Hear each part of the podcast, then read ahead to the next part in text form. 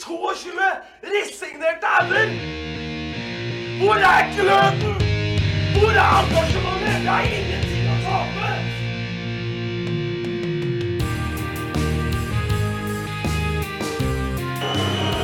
Ja, forlenges tid på Martin Ramsland. Skal du sette etter? Og så gjør han det! Martin Ramsland! Har du sett? Han kommer til å bli større enn Jesus på Sørlandet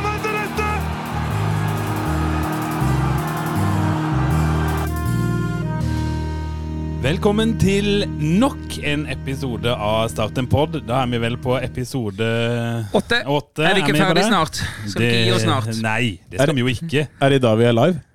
Nei, vi skulle vært det. Åh. Lars Benestad, er du lei deg for det? Ja, jeg tenkte vi skulle være eh, tidenes første podkast med liveshow eh, før episode ti. Ja. Så det var, nå gikk jo det til helvete. Det kan vi fremdeles bli.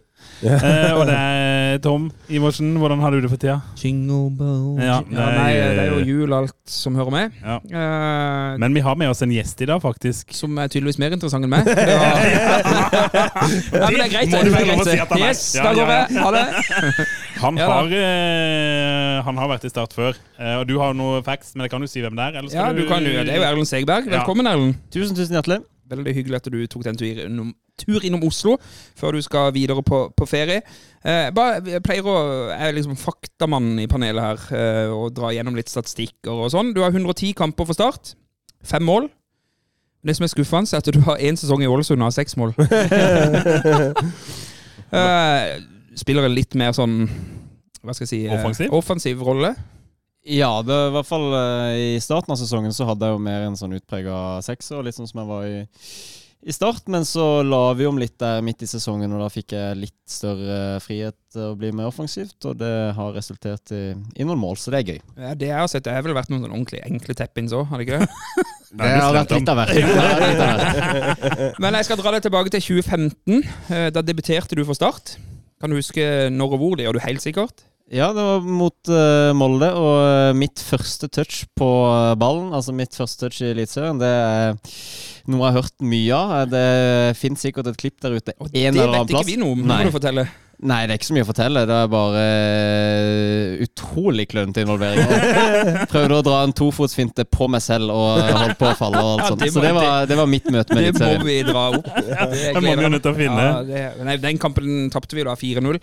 Det som har slått meg litt, Erlend, er at jeg har sett lagoppstillingene for den kampen der. Og Det er klart vi kan klage om åssen tingenes tilstand er i dag i klubben, men det er, det er mye rart her. Kan du, kan du nevne fem sånn helt vilkårlig fra den kampen her? Oi. 2015. Mm. Altså Det er jo debuten din, så du må huske noen av Husker du hvem du kom inn for? Ja, det kan du. Hvem kom du inn for? Du kom inn i det 88. spilleminutt. Eh, nei, det sliter jeg med å huske. Han har dessverre lagt opp nå, for han Ja, er så mye skada. Kan det være Andreas Ja, det stemmer. Ja, han Ja. bor jeg jo faktisk hos i helga mens jeg er her. Så- gjør du det? Ja. Så det burde jeg jo egentlig huske. Ja, da får du hilse. Hilse Jeg skal fra, hilse han. fra podden. Uh, det var jo en annen du kom inn samtidig med, som også debuterte for Start i Eliteserien den gangen der. Vet du hvem det var? Kan det ha vært Jon Olav Nore? Yes, som nå skal spille opprykkskamp med Jerv på onsdag. Ja, skårte jo han òg. Ja, det gjorde han vel òg. Ja, ja, han, eh, han har jo hatt en kjempesesong, han. Eh, du var jo på benken da, eh, naturligvis i den kampen der, sammen med Ingvar Jonsson, Islands keeper. Mathias Williamson var også på benken i den kampen. Jeg skjønner ikke hvorfor, for det her starta vi typisk han må jo ha vært halvdød i tilfelle. Ja, for vi starta med Emil Dale, som vel aldri har skrevet seg inn i historiebøkene. Eh, og så var det du og um, Jon Olav, og Lars Jørgen var også på benken. Han kom inn, uh, og han også. Ellers er det jo Michael Christensen spilte, Alexander John, uh, eller Alex de John. Som ble helt seinere den høsten. Det gjorde han. Jon Hodmen, Hodnemyr spilte. Ole, Mm. Ole Martin Rindarøy, Robert Sandnes, Oh, ja. også en landslagsspiller. Det begynner å demre hvorfor vi det begynner å demre hvorfor vi ikke vant noen kamper den sesongen. Og vår favoritt-nigrianer i start, Solomon. Solomon Novello, spilte også. Det var siste sesongen hans, det. Det var det nok fort, ja. Så det har blitt eh, 110 kamper for Start siden den gangen der. Fem mål. Du har nå 33 kamper i Ålesund. Eh, Du sa det før sending her nå, du har en 6-7-8 U18-landskamper. Mm. Og sky's the limit. Lenge, lenge vil du holde på med dette, Ellen? Å, det er et godt spørsmål. Eh, Så lenge jeg syns det er gøy. Ja. Um, Og nå er det vel ekstra gøy. Ja, det, Det har med det er klart det har vært et gøy år for, eh, for min del og for Ålesunds Ålesund sin del. Så eh, akkurat nå så storkoser jeg med fotballen, og så får vi se om jeg holder på i fem år til. Eller fem år var litt lite. Ti år til. Ja, ja, ja, ja, ja. Men jeg har, jeg har en greie sånn altså, Nå har du hatt ett år i såkalt jævla Ålesund. I Ålesund så- det blåser litt, det regner litt. Det er ikke eiere som vil ut av klubben. De sliter ikke med å få vedtatt budsjett. De har ikke vært innblanda i nedrykkskrig i Obos-ligaen. De har ikke bytta trener, og de kjøpte ikke 417 spillere i sommer. Er det ikke jævla kjedelig? Jo, altså Da, da jeg kom opp til, til Ålesund, så eh, var det, var, var, det var helt merkelig i begynnelsen, fordi det var så rolig. Skjedde ingenting. Eh, Liksom Jeg var vant til liksom at det var snakk om eh, trenerskifter eller eh, eiere som skulle ut og inn, eller en logo som skulle byttes og sånn. Det skjedde ingenting.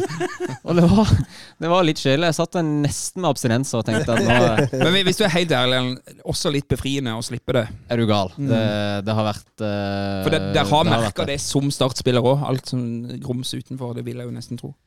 Ja, um, det er klart. Eh, men samtidig så syns jeg jo man på en måte Når man står i det, så, så lærer man seg å leve med det. Men det er men det er jo klart at det, det er jo ikke bra når utenomsportslige ting, som det har vært ganske mye av i, i mine år der, Mm. både på, på godt og vondt, uh, så stjeler jo det energi. Ja. Gjør det.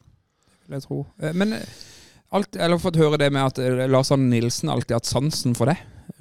Hvor tidlig fikk han øynene opp for det, sånn som du har forstått det? Eh, Historien som er blitt fortalt, var at han så meg Eller la merke til meg for første gang i en treningskamp på, i Marbella i Nå kan det ha vært, da? Vi spilte mot Bodø-Glimt. i en, Det var året de tok sølv. Vi rykka ned. Oi, så det er ikke så lenge 2018, siden. Ja, ja. 2019, ja. Ja. Nei, 18. 18, kanskje. ja, ja. ja. Og da typisk at du er en spiller som passer inn i akkurat hans måte å ville spille fotball på, da? Eh, Eller var det det hele pakka? Ja, ja. Nei, nei så jeg, jeg vet ikke. Det var Pål Jørgensen i Ja, som eh, vi alle kjenner som eh, I den konkurrerende podkasten? i den konkurrerende podcasten, som, Dødskjedelig tørre podkasten til FVN. som, uh, som nevnte det for meg mens vi var der nede. Uh, Ja. Så det var jo selvfølgelig gøy, det. Men da Det var ikke noe mer enn en det. Men eh, selvfølgelig gøy at han la merke til Og da, med da var han branntrener på den tida, var han ikke det? Da var han Ja. branntrener. Og det var jo aldri aktuelt med at han skulle bli min trener da, men fotballen ja. Man krysses, krysser veier noen ganger Vi må nok touche innom det òg etter hvert. Ja, vi må det, men jeg prosessen- tenker at uh, vi har jo eh, informert Erlend Stakkar om at han, eller, uh, at han må være med på våre faste spalter i reisen i podkasten her. Så da kan vi jo egentlig bare gå til den. Men vi har ikke noe siste kamp, da. Nå Nei, vi har jo ikke det, men det er jo alltid noe å ta tak i, som Erlend sier. Eh, Det var jo stille opp i Ålesund, det er det jo aldri eh, rundt Sparebanken Sør Arena. Så vi kan jo bare ta startbørsen. Og det første vi kan eh, snakke om da, er at jeg har jo faen ikke vedtatt noe budsjett. Nei. Nei, for det at det er to investorer som vil ut, Ja. sier avisa. Eh, Ja, men vet du ikke Ja, ja. Det, det, avisa sier jo to, da, men vi vet ikke om den tredje vil bli. Nei, han har jo ikke sagt noe, han heller. Eh, hva tenker du, Tom? Tenker ingenting. Tenker ingenting! Nei. Nei, men det, det, det er stille.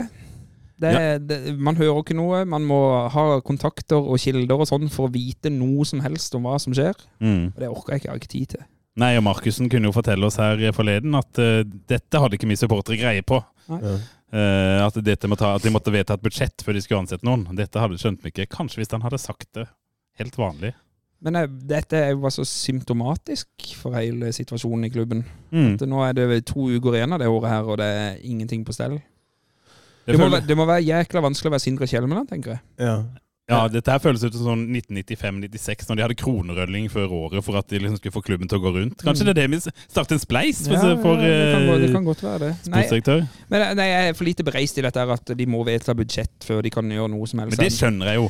Man skjønner det. Og så tenker jeg den, den eierkonstellasjonen er jo den som er interessant nå. Ja ja. Eh, Den er jo Men skjer det noe, skjer det noe rundt det før vi sier 2022, liksom?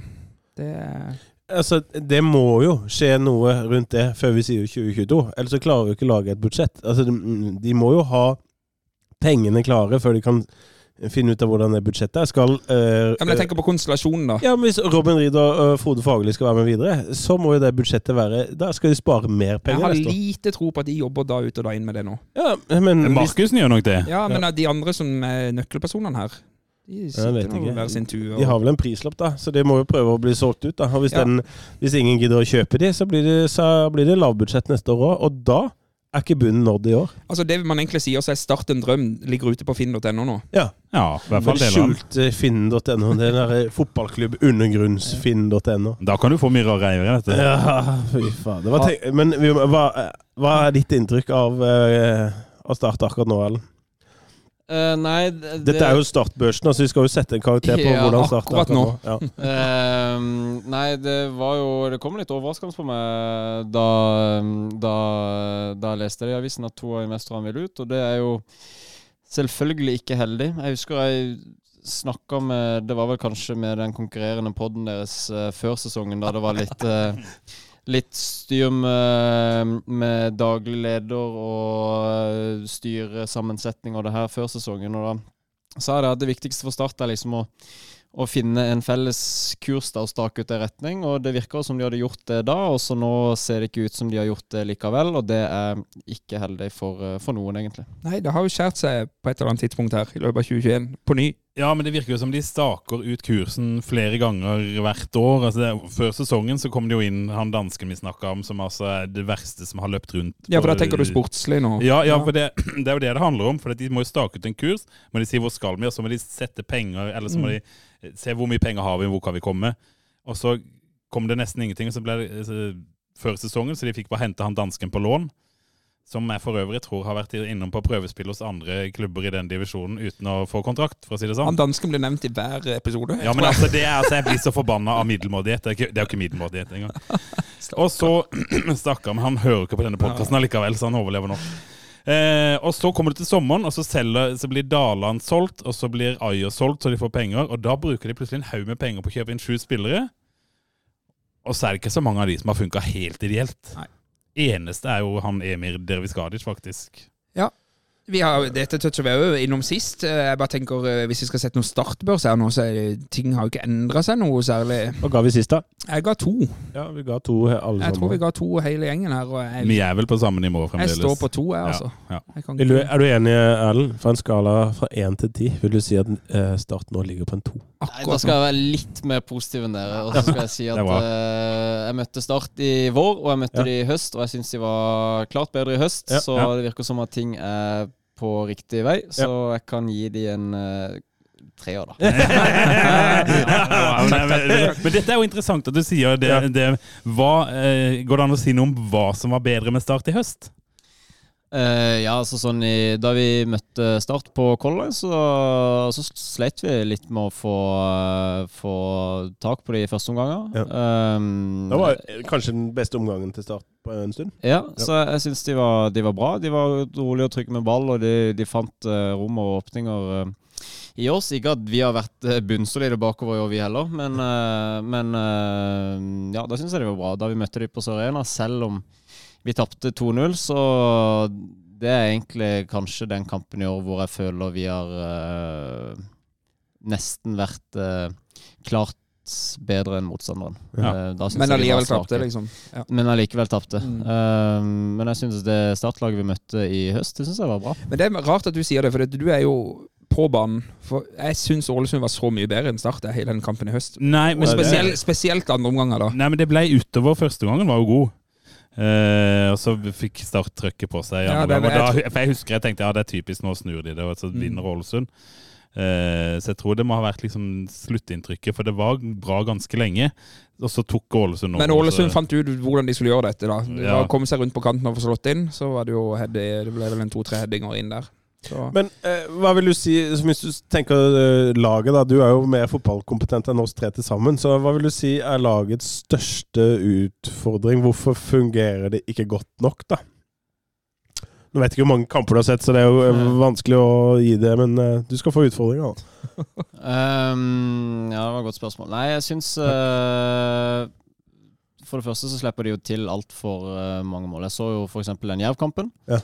Uh, i Levermyr, og der slipper man jo inn noen mål som uh, ja, Eller når man slipper inn uh, ikke bare ett uh, billig mål, men to-tre, ja. hvor mange de skåret, så er det selvfølgelig vanskelig å finne noen fotballkamper. Så det det er jo klart, men der har det jo også vært litt sånn opp og ned. Og noen kamper har det jo vært bunnsolide bakover. Og så er det liksom for å ta steg som lag. Det er eller sånn ganske enkelt og Eller ikke enkelt, men eh, det å være god på én ting ehm, Det kan man få til i perioder, men liksom det å utvikle et lag til å være både solide defensivt og um, ha en god uh, offensiv uh, samhandling og, og struktur, det er liksom den kombinasjonen der som er vanskelig. Så det, det Den, er- den har jo Start ta- knapt tatt i år.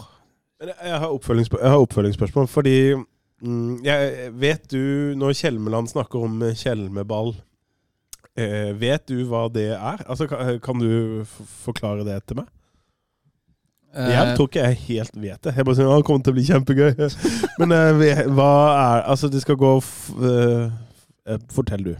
Nei, altså jeg vet ikke. Jeg har, jeg har så vidt uh, snakka med, med han om det, og jeg snakka litt med, med spillere. Men altså sånn, det er jo en type fotball der man ønsker å um, skape et overtall. Um, og det er enten ved å spille ut motstanderen bakfra, at de går høyt og presser.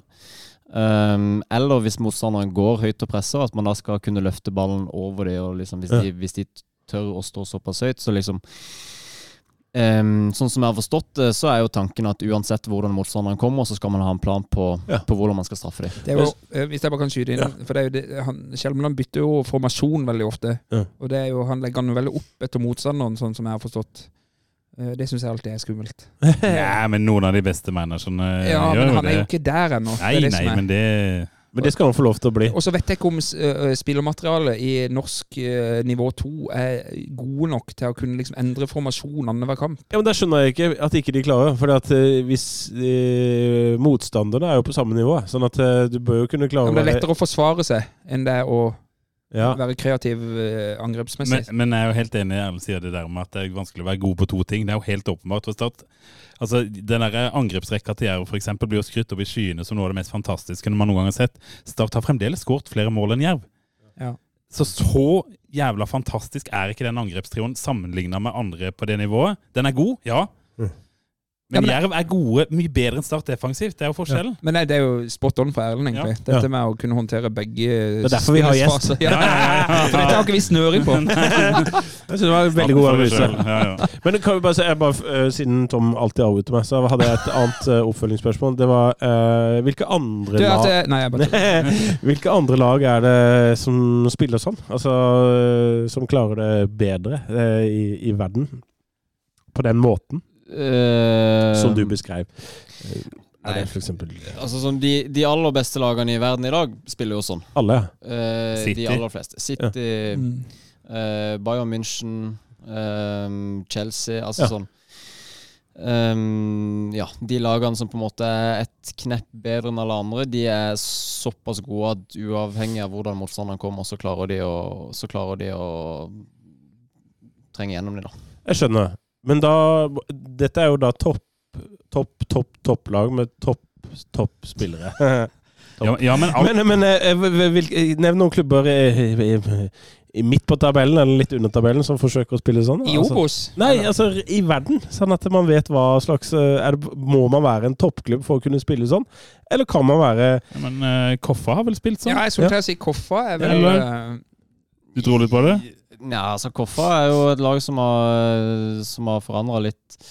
De har spilt sånn tidligere. Ja. Jeg syns ikke det er på en måte det som kjennetegner de mest nå. Uh, de kvalikkampene har jo vært forsvarskamper. Ja. Mm. Um, men altså sånn det at Skjelmland ønsker å få til det i start, det syns jeg er tøft. Ja. Altså Det er modig, og så gjenstår det jo å se om det lykkes. Det Ja. er jo, det er jo ambisiøst, og det er vanskelig, men, uh, men Ikke umulig. Nei. Og kred til han for å prøve på det. Mangler kanskje en sånn blond fyr på midtbanen. Ja, en sånn lokal En fra En som hadde bodd på Lunden og Ja, lenge. ja, og så. Åh, jeg lurer på hvor man kunne Jeg finne en sånn. jeg vet ikke om han har sagt det, men jeg, jeg vil tro at Sindre Kjellemann gjerne skulle hatt Erlend Segberg i Ja, det har jeg sagt. Ja. Det kan jeg ta med han en gang òg. Ja, ja. Jeg er helt sikker på det. Jeg vet faktisk at Sindre Kjellemann Ja, vil sant? Ha det jeg vil at du skulle si. ja, Jeg vet at Sindre Kjellemann Mm. vil ha Erlend Segberg i start. Vi tar Heid og Bleig, Ja, og så går vi til litt spørsmål med Ja, ja, for da kan vi holde på i det uendelige, tenker jeg. Ja. Eh, hvem skal begynne med Heid og Bleig? Jeg vil gjerne begynne i dag. Ja, det kan du. Eh, det er ikke for å nedjustere podden noen hakk, men eh, min ukens heid, den går til Hva skal jeg si? Uff, jeg ble nesten litt rørt. Vår alles kjære Line Dus, Ja. som dessverre har fått kreft. Eh, de Må du forklare hvor Ja, det Ja, det skal jeg gjøre, Gimse. De fleste rundt supportermiljøet i Start vet hvem Linn Dus er. Hun har vært supporterkoordinator i Start i en årrekke. Hun har jobba veldig mye for godt samarbeid og eh, løsninger mellom klubb og supportere som eh, supporterkoordinator.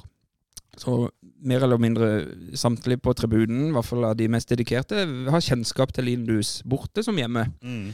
Hun reiser land og strand. Eh, I 2015 så ble en celleprøve hun tok, eh, feiltolka. Eh, hun fikk erstatning. Eh, Ja, fordi hun fikk kreft i etterkant. Hun fikk kreft i etterkant av den celleprøven. Hun har fått erstatning for det, men får ikke lenger dekka immunbehandling. eh, Selv om et sånt ekspertutvalg eh, mener at hun skal ha det. Mm. Eh, og nå er det oppretta et spleiselag til Line, hvor målet er 500 000 Ja. til immunbehandling. Så jeg oppfordrer egentlig alle som lytter på Starten pod, til å gå inn på spleis.no, og så finner du Line Dus eh, sin sak der. Og så gir du et eh, lite bidrag. Eh, det oppfordrer i hvert fall denne podden her. Så jeg gir ukens heid til Line Dus. Stå på. Vi er ikke så mange som heier på Start, men vi kan i hvert fall ikke miste noen. Nei, Nei, det det er helt riktig. Det er helt riktig. Det, det stiller meg helhjertet bak bak så, alt så jeg tenkte det var, det var greit å få med, få med den. For ut, det er eh, veldig fint, Tom. Så må jeg dessverre innom en bleig, og Ja. jeg, jeg er ikke så veldig kreativ, men uh, Terje Markussen Nei, jeg, nå? jeg vet ikke. Nå? Ja, Igjen? er han fremdeles på Sri Lanka? Nei, men du kan jo ikke si han eh, som bleig nå. Jo. Det er Nei, han det, er jo det er for å spille opp det, da. Ja, ok. For han er jo, etter hva jeg har hørt, han er jo han som virkelig prøver å få nye investorer inn her, og gjør noe Nå jobber jo han for å få Rido faglig Fagerli ut, og nye inn. Og, altså, han gjør jo en jobb faktisk for å løfte denne Eller få denne klubben til å få et jævla budsjett, da. Ja, Så vi du kan ikke sette han som bragg nå. Nå ser det jo faktisk ut som han jobber. Ja, men ifølge manus her så skulle jeg sette han på bleig, sånn at du kunne Ja, det var godt jobba. Det er, er ekstremt godt manus, eh, rett og slett. Jeg visste ikke at det var manus, jeg har ikke lest. Men uh, Det var altså, han får mine ikke lov å ha bleik. Nei da, men jeg, vet du hva? Jeg, jeg, skulle jeg jo tatt eh, dama i kiosken, liksom? Jeg, Nei, det, det, det, det, Greit, greit. Vi det får, ut. eh, det var min heil og bleig. Eh, da går vi til Gimse. Ja, det kan hende at jeg må jazze meg opp litt, altså. Ja. Eh, Denne ukens eh, Heidi går til Sindre Kjelmeland fordi han har erta på seg Grimstad. Han eh, får spørsmål i FVN om Han får vel spørsmål om jerv, og hva han tenker om jerv, og eh, ja, ja, Ja, du vet jo hva en journalist spør om, så Ja, og, og greia er at her er sitatet hans ordrett. Jerv har vært dyktige på spillelogistikk, de har hatt kontinuitet og flinke folk rundt laget. Det har betalt seg. De har gjort en god jobb og har troen på det de driver med. Hører du hvor mye skryt det er? Det er egentlig for mye. Men som trener for Start ønsker jeg ikke at Jerv skal gjøre det bra. Hvorfor ikke? Fordi det er sånn rivalisering skal være. Vi holder til i samme område, og jeg tror ikke det er sånn at de jubler når vi vinner heller. Og det blir de krenka for i Grimstad! Det går ikke an! Hæ? Arne Sa- Sandstø? Ja, Arne Sandstø mener vel at det er sånn frieri? Ja, ja, Nei, Arne Sandstø syns jo det var dårlig gjort, og ikke ønsker de lykke til. Det er jo 14 stykker som heier på denne breddeklubben borte i Grimstad. De har vært flinke. Ja, ja, ja. ja. 15 av de har heia på Start før. Ja, ja, Samtlige, faktisk. Og treneren har vært i Start før. Det er jo ikke en kjeft der som ikke har vært i Start før. Så de må slutte med det der greiene der. Alle må heie på oss. Nei, jeg kommer aldri til å heie på Jerv, og jeg er faen ikke fra Grimstad, jeg er fra Fevik. Men jeg- det er sagt. Men jeg tror vi har snakket om det før, den podden men akkurat Jerv, for min egen del Jeg, jeg får ikke noe sånn kjempe sånn Jeg har aldri fått det. Nei, men nei, men sånn altså veldig, altså Jerv er bare sånn et koselig sted. For meg, for meg så er Jerv bare en klubb som jeg alltid slo. Men eh, du er jo noen år yngre nå, så hva tenker du om Jerv? Hva, hva er dine ord om Jerv? Ehm, nei, først vil jeg bare Altså sånn Sandstad er jo fin, da. Jeg må, Ja, ja, ja, ja, Han er jo nydelig. Men, Sandstad er bra. så jeg tror nok altså, Litt av hensikten hans er jo å terge på seg litt ved å si det. Så det er jo Ja, For de har jo alt å vinne på det. Og, ja, ja. det er helt absurd. Det er jo ingen i Liverpool som Eller ingen ja, i Liverpool som uh, håper at Everton skal gjøre Nei, det bra. Liksom. Nei, nei. Sånn, det må jo bare Det er på en helt annen måte da enn Ja. det her uh, Ja, Ja, ja. men- Men allikevel, det blir jo samme prinsippet, da. Ja. Nei, men Jerv var jo sånn eh, eh, Vokste jo fram litt egentlig da jeg var i Start, og vi hadde jo Ja. kvalikkampen i 15. 15. Ja, ja. Eh, Og det ble bygd opp litt eh, et sånt rivaleri, og eh, så rykka vi jo ned i 16 og møtte de i 17, og da var det liksom sånn eh, Da var vel kvali nei, Jerv i kvalik i, og- i 16 også, Mm. eh, og var liksom litt på vei opp og fram, og så bygde jo Feven opp til at det skulle bli liksom to sørlandslag som skulle kjempe i toppen, og det ble bygd opp rundt det der. Men Og så henta jo vi jo Steinar Pelåsen derifra. ja, ja, ja, ja, så det var mye greier da. Vi henta Antvi og, Ja, og, og Baro kom vel seinere. Ja, og Andreas Jensen kom jo fra Jerv. Ropstad. I Ropstad. ja. Så det var liksom litt sånn eh, intriger mellom de to klubbene. Men da var jo Jerv så fryktelig dårlig det året, så det ble liksom aldri noe, noe av det. Og det var, vel kanskje mer, det var vel kanskje mer et samarbeid enn intriger, egentlig, da. Det med at spillerne gikk. Det var forsøkt samarbeid, i hvert fall. Forsøkt samarbeid. Ja, og det kom vel seinere, egentlig, sånn okay. som jeg husker Ja. Start en drømmeopplegg, det. Ja, Ja. litt Hva er, det, hva, er, det- bare, hva er det verste vi har fått fra Jerv? Det verste er ikke det Kristoffer McGonagher? Stakkars Jeg ser du vil le der borte, Benestad. Ja, hva, hva het han spissen som ikke skåra noe, da? Dennis Antwi? Ja. Men vi henta jo han eh, Ogumbaru òg. Ja, han var jo Oh. bare så vidt innom før han ble sendt videre. Ja, det var merkeligste signeringa i Starten Drøm sin historie. Ja, nei, nei, Trente du litt med han? Ja, ja, Ja. han trente eh, et halvt år, et år. Ja, riktig. Åssen var han? Altså, han var jo ikke god i start, nei, Nei. nei. men, eh, men han var jo veldig god i Jerv. Året Ja, før. Året før Året før, ja. Året før. Eh, da var det jo snakk om liksom større, store Mm. klubber i Eliteserien, Ja, ja, ja. sånn som var- eller utenlandske klubber og alt sånn. Så eh, Men han eh, Men han fikk det ikke det på trening heller, eller noe? Var- Nei. Utprega seg ikke på noen måte. Nei. Det er veldig rart. Sånn syns jeg er veldig rart. Jeg syns òg det er kjemperart. Det er jo ikke snakk om at det er en sånn stor, sånn stor overgang å gå fra Jerv til Start. Det er snakk om å flytte fem mil. Men han spilte jo en veldig viktig rolle. Kan jeg huske det? Ja, han sendte Salvesen ut av klubben. Ja. Sånn indirekte så gjorde han jo det. Ja, ja, sånn, ja. Mm. På grunn av Han ble jo en, nok en lå- utlånsspiller. Mm. Ja. Nei, men uh, så, Nei, men fortsett under Og, og, og, og jeg, har, jeg, har, jeg kan jo bare si det at jeg har vært uh, Jeg kjenner jo da Jan Robert, som vi har snakka om før, eh, som jo er bestekompisen til min lillebror. Og Jan Robert og min lillebror feira 30-årsdag sammen. Eh, og det var jo nå rett før koronaen slo inn i landet. Og da var jo selvfølgelig Arne Sandstø på den festen. For han og Mini var jo assistenten til Arne. Eh, Så når jeg traff han, så var det jo selvfølgelig Han er jo med en gang på noe sånn litt sånn Skal irritere og terge og drittslegging og sånn. Eh, Så eh, så han er jo sånn alltid. Men det er jo derfor, hvis jeg fyrer meg opp litt og fyrer litt tilbake, så er det jo én fyr i hele verden som syns det er litt gøy. Det er Arne Sandstø. Ja, det er det, ja. Ja, vi hadde han jo ett år i 2008. Ja, han, eh, han, han gikk fordi at han var uenig med styret om retninga videre, så vidt jeg husker. Det var Så- lenge, lenge før din tid. Erlend. Ja, men jeg fulgte jo med. Ja, ja, du Ja, du sto jo på tribunen da. Eh, Bleik, Rid og Fagerli, for de skal ut, og de vil ut. Ferdig snakka. Ja, noen må bare legge pengene på bordet. Mm. Mm. Fort, fort, fort. fort. Stenestad, Eh, Jeg bare eh, bare føler på at de må fort legge pengene på bordet, så de må ikke vente lenger. Nei, nei, det nei. Ut, vanskelig nå før jul, vet du. Mye pakker Ja, og drit som skal kjøpes. Ja. Hør nå, at hvis det, jeg regner med at hvis det er noen, hvis, hvis det er noen eh, potensielle nye investorer, så hører de selvfølgelig på oss. Ikke vente lenger. Begynn nå. Dere kan bli bestevenner med oss og være Ja, i ja, podkasten hver herregud. uke. Dere er invitert på julebordet. Og, Som Kjetil Aasen skal betale. ja. ja. Jeg må bare spørre, er, det, er det sånn at uh, Reed og Fagerli vil ha penger for å gå ut av Start? Altså de skal liksom selge Ja, men de har jo en aksjepost i Starten Drøm som har en viss verdi. Ja, Hvor mye kjøpte de den for, da? Nei, de oppretta jo selskapet. Ja. Så de har, jo, e- de har jo i realiteten brukt over 100 millioner på den. Mm. Så vil jo enkelte av oss hevde at den aksjeposten ikke er verdt det de har brukt på den. Uh, muligens. Altså, de kommer ikke til å be om 60 millioner. Nei, det får de jo aldri. Men- Eh, For det, Nå går vi veldig langt inn i sånn eh, juss her, da, men det som jeg har forstått, det er at eh, de står ansvaret for utgiftene til klubben, og så får de da inntektene til klubben. mm. Eh, sånn at hvis du da sitter og har lyst til å få tilbake noe, så kan du jo egentlig si ok, da kjører vi sparebluss, da, så selger vi alt det vi har av verdi, og så får vi tilbake en del av pengene. Så sånn kan de jo sitte. Eh, eller da si ok, noen andre kan kjøpe det for det og det og det. Og så går de ut, og så kan noen andre overta. da. Det er sånn som jeg har tenkt, det er mitt tenkte scenario her, i hvert fall. Ja, men det er, jo, det er jo et selskap som noen kan komme inn og kjøpe deres andel, Ja. og så hva den andelen er verdt. Ja, for vi er helt sikre på at Aasen han vil være med videre. Ja, det har jeg forstått. Ja. Uh, at jeg tror Ja. det er, han har mer gira på å få det til.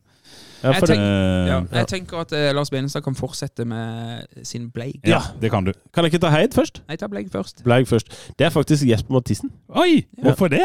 Nei, fordi at eh, han, er for, han er også for stille. Vi trenger flere som uh, Han vet ting. Det er ingen det er ingen som går inn i den klubben som ikke har snakka med Jesper først. Han må, han må ut og melde mer på både Twitter og andre steder om Start.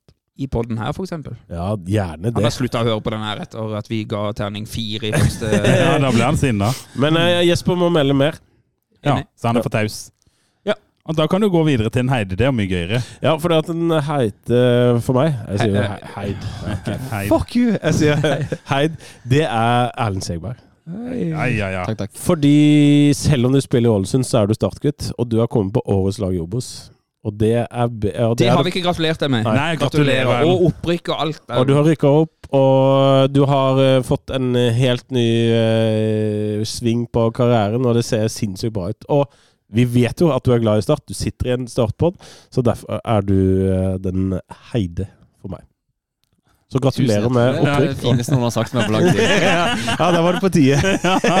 Men da skal jeg komme med den der analysen, da. Ja. Uh, mitt inntrykk av Erlend Sedberg, Sedberg Segberg, uh, som eh, startspiller primært, er at du jeg følte, For nå har du imponert i Obos-ligaen.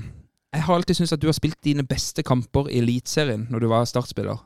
Er det et inntrykk du har sittet med sjøl? Ja. Ja, Ja. ikke sant? Og hvorfor er det sånn? Det er derfor jeg ble veldig overraska over at du faktisk leverte så bra som du gjorde. Nå var det jo nytt miljø og ny klubb, og det hjelper jo det, selvfølgelig. Men, men jeg syns alltid de beste kampene dine har vært i Eliteserien.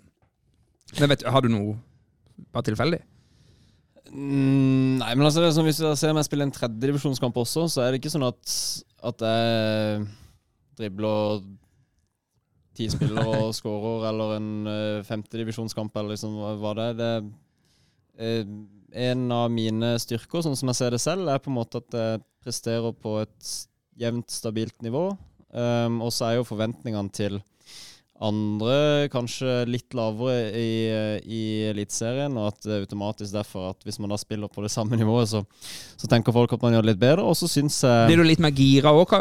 Skjer det noe med det når du spiller på øverste nivå kontra Eller? Ja, det vet jeg ikke, men det er jo klart de gjør jo noe ekstra med enn å Mm. spille for eh, 15 000 på Lerkendal Ja. foran uh, 300 på Strømmen. Nå skal jeg ikke si Levermyr, men eh, Det er ikke 300 på Levermyr. Um, nei, men også er fotballen i Eliteserien annerledes enn i Obos-ligaen. Det er mer kontrollert. Um, Har du mer tid med ballen? ja, i mange situasjoner Mm. så har du det. Det I mange situasjoner så har du det. Um, altså, så jeg syns personlig det er enklere å spille i Eliteserien. Uh, men det er jo klart det at uh, gjør man feil i Eliteserien, så blir man jo i mye større Ja, grad straffa. ja, Mm. Så nivåforskjellen er jo er jo, altså Naturlig nok så er jo eh, nivået i Eliteserien høyere, men for min del så har jeg opplevd at det på mange måter er enklere å spille der. Ja, men Det er jo litt interessant. Men uh, for man, Det underbygger jo bare poenget at, uh, at uh, Obos er uh, litt sånn uh, tut og kjøre-liga. At det, det, det er jo litt sånn Ja, det går ganske for seg. Du ser noen av de kampene som har vært uh, i høst og tidligere sesonger, er jo helt, helt kokos. Og da er det vel litt det at alt går litt i oppløsning, på en måte. Altså sånn der, uh, Litt kaotisk, på en måte. Ja, ja, og du, og du liksom eh, Du møter motstandere som uh, Som man, man, gjør, altså man møter motstandere som gjør ting som man ikke forventer. Fordi liksom sånn Mm. uh, Plutselig så sender uh, Stjørdalsblink åtte mann i angrep, som, eh, som, uh, som ingen lag i Eliteserien Fornuftig lag i Eliteserien ville Og gjort. nå Da. er- nevnte vi Stjørdalsblink. Det skal vi gjøre i hver pod. Vi har, vi har fått kjeft for å være slemme. ja. Men, men betyr det at uforutsigbarheten hos motstanderen eh, kan være vanskelig, men det er også det som også kan gjøre det lettere? Da? Fordi at hvis du sjøl er solid, så, så står du gjennom den uforutsigbarheten ganske greit, da. Ja, Ja. helt klart. Og ikke det at man nødvendigvis står gjennom det eh, så enkelt, men, men på en måte eh, Hvis Blink da eh, sender åtte mann i angrep, og de gjør en feil, som de ja. ofte kan gjøre på, Ja. på Eller som det oftere gjøres i Obos-ligaen, så, så straffer man jo motstanderen. Ja. Um, i større grad. Nå, får- nå får jeg, et, nå, jeg føler meg Jeg selger meg som fotballekspert her, og det har jeg aldri solgt meg inn som heller. Men, men betyr det at Start i sin spillestil kanskje gjør det bedre mot bedre motstand, da? Det syns jeg. Det er mitt inntrykk sett Ja, fra TV-sofaen. Ja, nå spurte jeg jo Ja, ærlig ja. Segberg, ikke Tom. Men det du så på meg Hva, går, det an å, går det an å si? Er det en påstand som har eh, Går det an å si? Påstanden min? Ja, det går an å si, og det, det stemmer nok eh, litt også, men det spørs litt hvilken kamp man Ja. velger ut av Start sin også. Eh, Ja. sin, som sagt, hvis man gjør feil i Eliteserien, så blir man så blir man mye hardere straffa. Mm. Eh, så ja. Vi går på do. Ja, forlenges tid mot Martin Ramsland. Skal du sette en til? Og så gjør han det! Martin Ramsland! Ja, Vi må jo innom den kampen nå, må vi ikke det, da? Du var kaptein den kampen, du, Ja, Ja. det var Og så har du den der samtalen du hadde med Martin Ramsland etter det 4-3-målet. Hva sa du?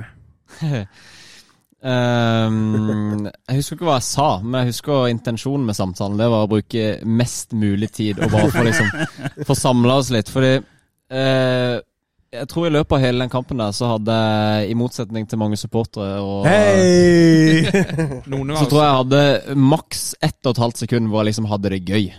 Eh, fordi vi kom under 1-0 etter eh, ett minutt, eller hva det var. Ja. Mm. Og så 2-0 tidlig, og så eh, Ja, vi var jo ikke i nærheten av noe som helst, egentlig, før eh, Før Ja, egentlig før dette, da. Mm. Um, og da var det liksom ja, to sekunder med eh, eufori, og så var det å se på klokka, og der var det 20 minutter eller 15 minutter igjen. Og eh, litt panikk, og bare OK, nå må vi samle oss. Så da tror jeg at jeg hadde en eh, lengre samtale med med Martin bare for å få brukt litt tid og få få prøve å tenke litt. Så det var det, var det som var Og husker da Martin. Martin rett etter avspark der? Ja, ja, han klinka det en fyr! Du må ha peppa han bra opp der, tror jeg. Ja, for du, ja. du så for deg et sånn skikkelig jag der, ikke sant? Det siste kvarteret der og sånn. Ja. ja nettopp. Uff. Det ble Så jo skippet var i oppvarming og Ja. ja. Han lagde mye frispark. jo. herregud. Det- Men denne her, eh, hele den kampen har vi jo en spesialepisode som vi Ja, la- det må bare gå og høre på. Den ligger der, og kos dere med den til Yes. juleølen i romjula. Jeg vet at Erlend har uh, hørt uh, noe av i hvert fall. Ja, jeg lada opp med den til, på morgenkvisten i dag Ja, så før innspilling, og den anbefales. Ja, det er bra. Det er anbefaling fra eh, en eliteseriespiller, det må være bra. Skal vi ta noen Altså, spørsmål? jeg anbefaler den, jeg også. Ja. Eh, Jeg anbefaler den. Jeg anbefaler også å bli værende på stadion he helt til fløyta går. For alltid. Resten av livet. Du kommer aldri til å gå noen gang igjen. Jeg kommer nok aldri til å gå noen gang igjen. Nei, nei, nei. Det, Men Ja, jeg må bare si, Den introen der, det er noe av det sterkeste jeg har Ja, hørt ja, på, ja, ja, ja, ja. på Brodd-fronten. Så Ja. det, det må du ta til deg. ja, jeg, jeg tar det til meg, men, men eh, jeg tusen takk for det. Men det er altså så vondt at dette her er så stort for alle som er glad i Start. Og for meg så er det egentlig bare sorg. Ja, Jeg har, jeg har ingen gode minner fra den kampen. Ikke ikke på utsida av Akershus fylkesmuseum engang. altså, jeg, jeg ble glad for at vi rykka opp, men jeg ble jo forbanna og lei meg og alt det fordi at jeg ikke var der, og at jeg gikk og sånn. Så for meg så er er den der introen Jeg har jo sett de siste 20 minuttene, og kanskje sett 100 ganger. Ja. Men det er jo, jeg får jo bare vondt i magen hver gang jeg ser det. Så jeg klarer jo ikke å få gode følelser av det der greiene der, fordi jeg gikk. Så det er jo sørgelig. Er faen meg sørgelig. Og så sa du, Erlend, her i stad, det var vel litt off record, så jeg trenger ikke å si med hvem, men uh, Boprisfesten utpå natta der, så så du kampen på ny. Ja, men Kim Strømme oh, ja, du, ja, ja, eh, hvis du vil name-droppe, så er det greit. Ja. Fortjener jo å bli name-droppa Ja. Ja, nei, eh, jeg vet ikke hvorfor vi endte opp der, egentlig. Men eh, vi eh, Det var skulle vel ha litt deilig. eh, Ja, det var det. Og han eh, hadde en opprykkssjampanje på sjøl, og eh, vi så gjennom kampen på nytt, så det var, det var et fint Og øyeblikk. mye var klokka da? Eh, elleve. ingen kommentar. Men du, vi kjører på noen spørsmål, og da vil du begynne hele greia, Ja, Lundala. Jeg, jeg har et sånn klassisk, sånn lang, et klassisk sånn langt spørsmål. Først skal jeg snakke om meg sjøl.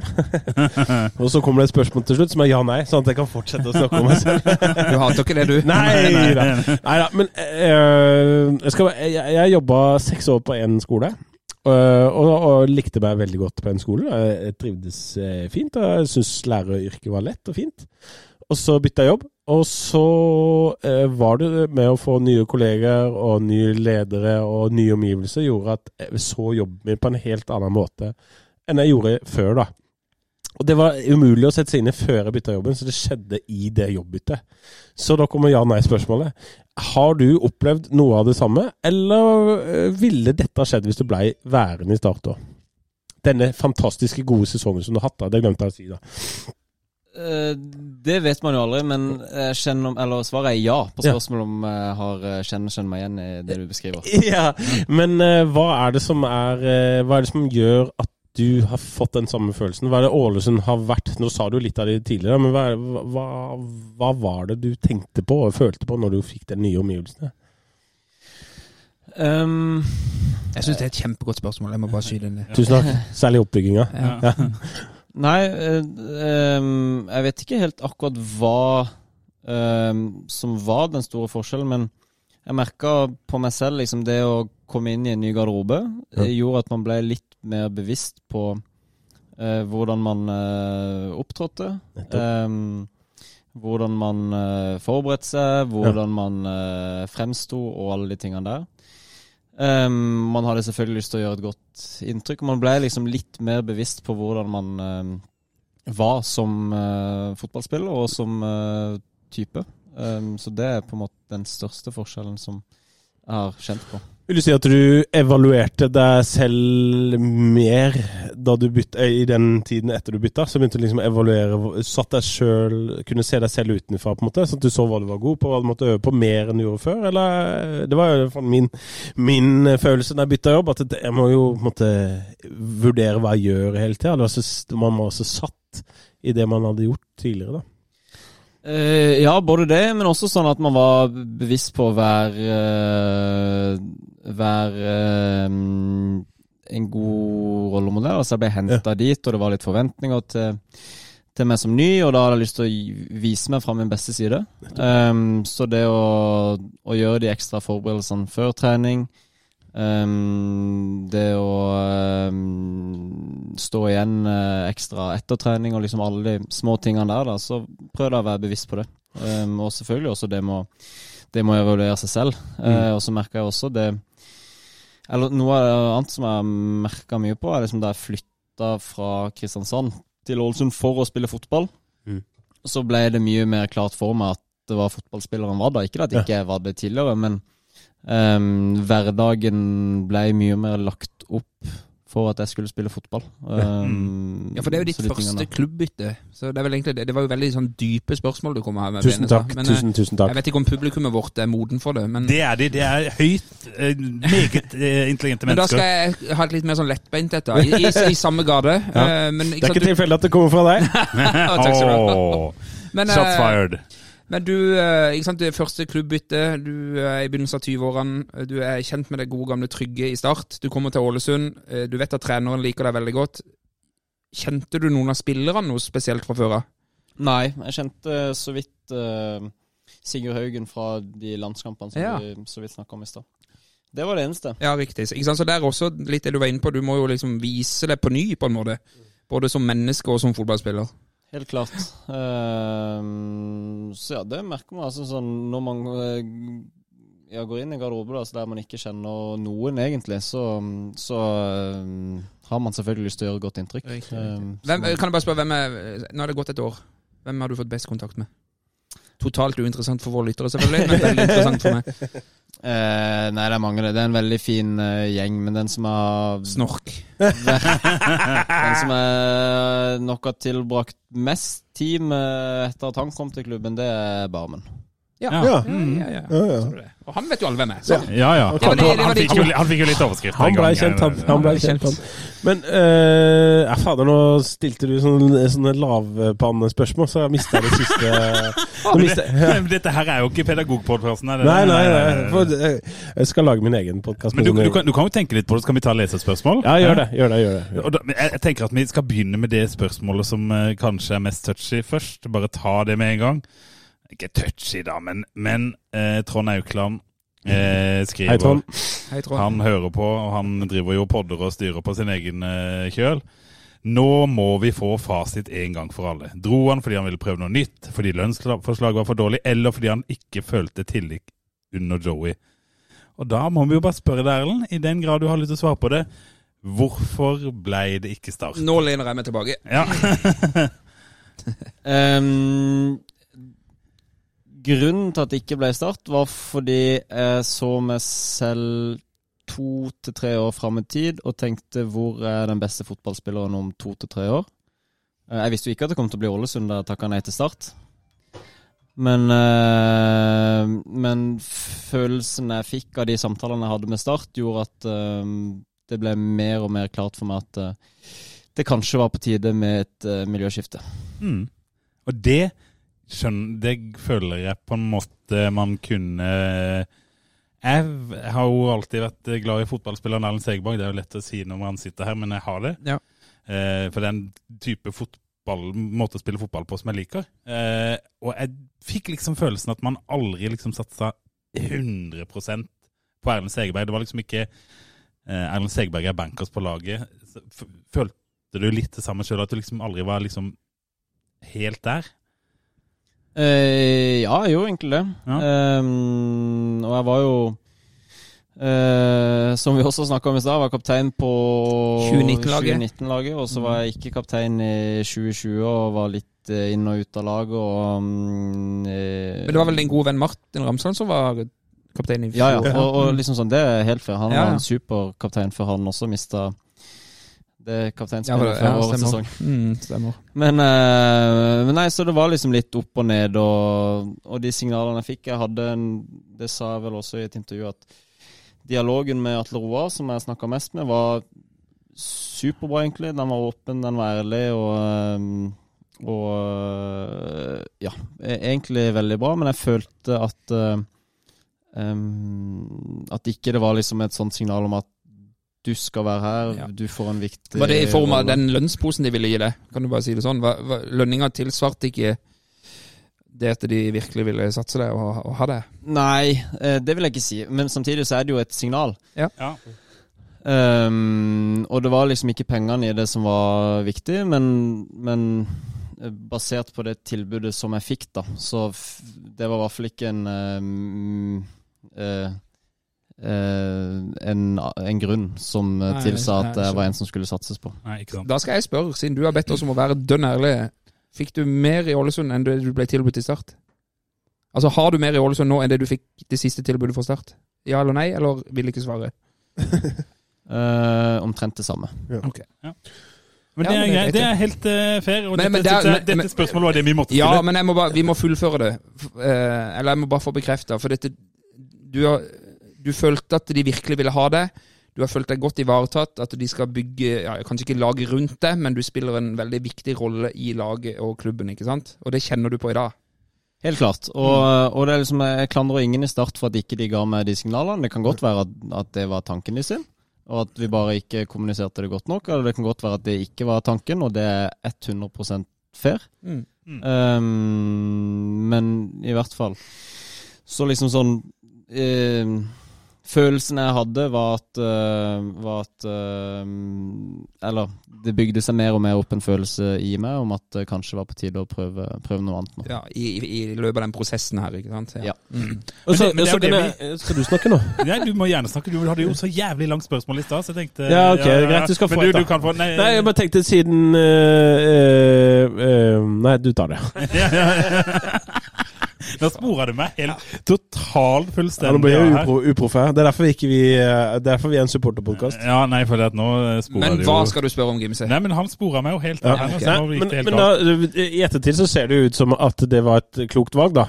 Så du kan jo kanskje si det. Og jeg må si at jeg representerer jo den delen av supporterne som tenkte at ehm, der og da, når det ikke ble noe, så, så skal jeg ikke si at jeg var den som eh, skreik høyest på Erlend må bli. Uh, Der var nok jeg litt mer eh, sinna. Ja, det Ja. er jo Ja, ø- og det skal jeg, det skal jeg skal være ærlig på, men, men uh, lite visste vi jo hvordan sesongen var. Og, og, og som supporter så ser man jo bare en spiller som, for, eh, som går ut og inn av laget. Vi ser jo ikke alt det andre. Så du ser en spiller som spiller litt, og så fikk han sånn, Tapte dere jo mye Det var jo på en måte var jo ikke så lett. Så, så jeg forsto jo for så vidt Start da. Men det, det er jo pakka Erlend Sedberg, eh, ikke sant? Og så ser man hvordan klubben har vært i ettertid. Og så ser man hvor ekstremt viktig Erlend Segberg hadde vært i Start i år. Han hadde vært kaptein. Ja, og så han hadde vært den Han hadde vært den man uh, kunne eh, snakke til i klubben der, eh, av spillere. Ja. Så du hadde, jo- hadde jo fått en sinnssykt viktig rolle. Men du hadde Lunds kanskje alibi og ja, men, du Men- men- hadde, men- kan- men jeg er ikke ferdig. Eh, eh, du, hadde, Jeg er ikke ferdig! du hadde kanskje ikke hatt den sportslige utviklingen. Men du hadde fått en ekstremt viktig rolle i start. Men det er ikke sikkert du hadde fått den sportslige utviklingen som du var, har hatt. ja, det var jo dette han tenkte seg om, da. Ville Ja, jeg ja, få den men han er jo intelligent. Ja. Det er lov å være intelligent. Det er alltid sagt. Og mens vi gjør han pinlig berørt, så vil jeg bare si eh, Det har jeg sikkert nevnt før òg. Men eh, da jeg var oppe og så Start mot KFUM i 2019 så hadde jeg jo med min sønn, som jo dessverre sliter litt med å bli fotballinteressert. Det sliter jeg litt med på hjemmebane. Eh, Det er mine eh, greier i livet, så nå satser jeg på at yngstedattera blir det. Men etter kampen så gikk vi jo av gårde. Og min mor, som er veldig Start-fan, ville jo da stille seg opp og ha et bilde av sine sønner og sine barnebarn. Og så hører jeg plutselig bare noen sånn knøttesko over, eh, over veien. Og der kommer bare Erlend Segerberg plutselig og sier 'Kan jeg være med?' Det er nydelig. Og det mener jeg er akkurat sånn spillerne i Start skal være. Så det bare si direkte her, det syns jeg var jævlig kult gjort. Ja, for du har aldri fått takka han for det? Nei, nei Bortsett fra der og der, bare, kanskje. jeg har jo, jeg har jo skrøt av det sånn i Zoma, syns det var kult gjort. Men det syns jeg var utrolig kult gjort. Og det er sånn, sikkert ikke så mye, men det var du som gjorde det. Nei, jeg blir eh, Det Jeg vet ikke hva jeg skal si. Det er det jeg sier. Så vi må bli ferdig med det der sørlending og tolker hos oss. Eh, For si det sånn, du er velkommen tilbake, Ellen. Når, når som helst. Når som helst. Sindre Kjellmann liker det òg. Men nå har vi tatt syv spørsmål fra oss. Ja. vi ta, nei, vi tok en fra Trond Aukland her. Um, skal vi se her. Jeg kan ta en fra Bjørn Rudsagene, Rudboy84 på Twitter. Hvordan gjør Ålesund det i Eliteserien Ja, ja. neste år? Det er et godt spørsmål. bedre enn forrige gang, vel? Ja, det skal ikke så mye til. Nei, men jeg ja, veldig troa. Men samtidig så kommer det til å bli en del utskiftninger hos oss. Av naturlige årsaker en del er ferdig. Ehm, så det blir eh, en spennende vinter på den fronten, hva man klarer å få inn. Men samtidig så har jeg veldig tro på, på den gjengen som er der nå. Vi, det var mange nye altså fra forrige sesong til denne. Og vi hadde brukte litt tid på å bli kjent med hverandre både på og utafor banen. Og så har vi hatt en fin utvikling gjennom sesongen, så fundamentet er absolutt Men er det Veldig bra. signalis signalisert at det skal kjøpes mye og sånn? Mm, Ja, altså, det er jo helt naturlig at når man går opp en divisjon, så skal det hente spillere inn. I hvert fall med tanke på at ehm, et par av de guttene som har vært der lenge, har lagt opp og, og ikke skal være med videre. Så det vil jo helt sikkert komme nye spillere inn, og det blir jo spennende. Ja, for han er Tor Hogne Aarøy, så han er ferdig. Ja, men han er jæklig god på avslutningstreninger når han er med på det. Ja, han er med i trenerteamet, han, eller? Ja, han er ansvarlig for uh, andrelaget og gutta 19-lag. Å, ja, ja. Og uh, er en, mye med på våre treninger, så det er en uh, Han falt som en mann. oh, jeg, jeg kan fremdeles ikke se på han uten å bli irritert. Men eh, ha, har du fått takla Gustav og Bo Bahansken? Nei. Det må du få. Jeg har et til. Filmer han på trening òg, forresten, Tor Hogne? Uh, ja, hvis, eh, hvis han er med i spill, så gjør han det. Altså, Ja, Tor ja. Hogne selv om han er 2,30 høy og veier 130 kilo, så faller han lettere enn noen andre jeg kjenner. Men vi må ikke prate så mye om Ålesund. Bare et siste spørsmål fra mine venner i Gyldenløves. Blåser det mye i Ålesund? Eh, ja, det gjør det jo. Uh, og det er vel ingen hemmelighet at jeg valgte ikke Ålesund pga. klima. men, uh, Men du men- sa jo her i stad at du, du kan, det er jo noe sunnmørsalper og sånn Ja. du koser deg i, ikke sant? Eh, det er utrolig mye gøy å finne på uh, i området. Så jeg hadde nettopp uh, tre fine dager i Sunnmørsalpene på randonee. Du, med- du og barmen. Ikke meg og Barmen. Han eh, treffer jeg nede på Gran Canaria i morgen, hvis jeg skal det. Men eh, nei, meg og eh, en du kjenner, eh, Jesper Kirkhus, Ja. og min søster, vi var og gikk noen fine, fine toppturer der. Så Det får man jo ikke på Sørlandet, da sånn Nei, vi får mye annet fint. Men det vet jo Erlend alt om. Ja, ja. Men eh, jeg vil tilbake inn til start. Eh, jeg kan ta et spørsmål fra en som heter Kenneth på Twitter. Seven Music 7 på Twitter. Hvem er den beste spilleren Starten Drøm henta i perioden 17 til 20, og hvorfor? Og da, jeg må bare eh, Jeg skal føye til et spørsmål. Føye til det. Altså, Ja. Da gjelder det på en måte ikke bare i kamp, men altså som du i, i trening og Altså, hvem var det du skjønte at dette er den beste spilleren du henter? Ikke kun Det er ikke sikkert det er ikke sikkert han klarte å vise det. Jeg måtte bare gjøre spørsmålet hans enda litt bedre. Ja. Takk, Lars. Bare hyggelig. Lars. Eh, det var et vanskelig Jeg syns det er et gøy spørsmål. jeg. Bare, Ja. Du som har vært på innsida i hele den perioden. her, Ja, jeg liksom, må og bare tenke, Det er jo 40 spillere å gå gjennom. Blir en lang pod. Oi, oi, oi. Men det er noen vi kan droppe ganske fort. Men Jeg har litt lyst til å så, eh, slenge ut noen navn, så kanskje det hjelper. Jeg har lyst til å slenge ut eh, Kevin Kaban, for eksempel. Ehm, nei, Ikke best. Jeg Nei. håper ikke han hører på nå, men jeg tror ikke jeg ville hatt han helt der oppe. Han hører garantert ikke på. Ikke på. Heine Nei, Vik kommer til å si altså, fra. Da vil jeg si Afis, da. Eh, jeg vil først bare si Kevin er utrolig spennende spiller, men han fikk det liksom aldri helt ut uh, hos oss. Uh, Afis uh, på sitt beste noe internasjonal klasse Ja. over han. Ja. Eh, virkelig. Og så hadde han opp- og nedtur, han òg, men han var Altså, han merka du hadde et ekstra nivå i seg. Eh, Da hiver jeg ut en. Ja. Aron Sigurdarsson. Uh, ja, litt vanskelig å Humørspiller. Humørspiller og veldig god sesong i 19. Ja, Mm. Eh, I 18 så var han jo iskald. Mm. Han var vel det i 20 år?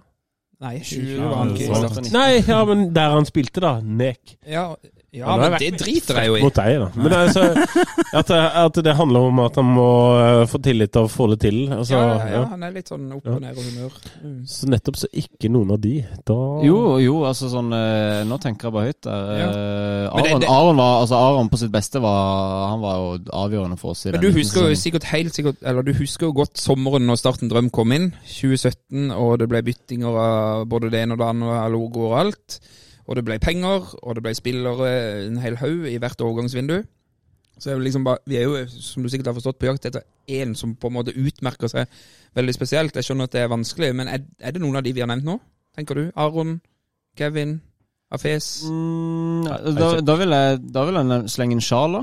Å Ja, ja. ikke sant? Ja. Uh, jeg syns den høsten han var hos oss, da var han ekstremt god. Ja, han- da var han meget god, Han kom vel inn med en sånn profesjonalitet også. Ja, Ja. og liksom han var ja, utrolig viktig for oss den høsten der, som uh, Som jeg Jeg mener er den desidert beste perioden Start har hatt, Ja. imens jeg var der. Ja. Eh, selv om det endte som det endte. Vi var nesten i cupfinalen og nesten, Nesten holdt plassen. ja, men vi var jo egentlig døde og begrava om sommeren. Da. Ja, ja. Det er en utrolig fin høst. Ja, men da følte jeg liksom Da vi var virkelig going den høsten der, så følte jeg liksom at da spilte man på et topp seks-lag i, i Eliteserien. Jeg skal slenge ut mitt siste navn. Ja. Damien Lowe. Det er også sånn eh, Altså, han er jo På sitt beste så kunne han jo spilt i en topp fire-liga, Mm. og så svingte jo han veldig. Han hører ikke på podkasten, så her kan du fortelle Han, han har blokka meg på Twitter. Han, eh, han, eh, Så her kan du fortelle akkurat hva du vil. Nei, For det var altså, han var jo ekstremt god. Når han hadde dagen og sånn, så var det umulig å, å komme forbi han. Eh, Han er helt oppe og nikker med Klaus Goodsen i mitt uh, hode. Sånn, uh, Toppnivå, ja. Ja. Mm. Han husker du vel? ja, ja. Ja. Eh, jeg, jeg vil si Damien Lowe har et høyere toppnivå enn Ja. Clarence Goodson. ja. Men Clarence Goodson var bare jevnt god. Ja, det var var det det. som var greia hans. Ja. Var. Nei, men, eh, men eh, da kan vi jo bare Det ble, det, egentlig ikke, det ble egentlig ingen, da. Jeg, Nei. men jeg, klar, jeg tror ikke jeg klarer å Men det var fem gode kandidater, i hvert fall. Ja. Mm. ja. Ja. Det det. Og, og og det er veldig gøy at han drar inn Sjala, for når han sier det den, Han var kjempegod Ja. den høsten der. Og jeg er sikker på at hvis Start hadde blitt, så hadde det vært en god mulighet for å beholde han, Da hadde- kanskje. Ja, Charles skal, Doimland man også slenge inn Ja, der. ja, ja, ja. Ja. Og, og hvis Start hadde beholdt plassen, det er jo hvis, hvis, hvis, hvis. Det er hvis vass å gjøre sånt, men, men eh, da hadde Charla blitt, og Mathias Wilhelmsen kommet hjem. Ja. Og Mathias. Åh. Matti, Matti. Nei, men, men eh, Segen, mm, dette er jo litt uh, utafor fotballbanen egentlig, men det er jo Start allikevel. Hva tenker du om at uh, den gamle logoen ikke har sett lyset på for fire år?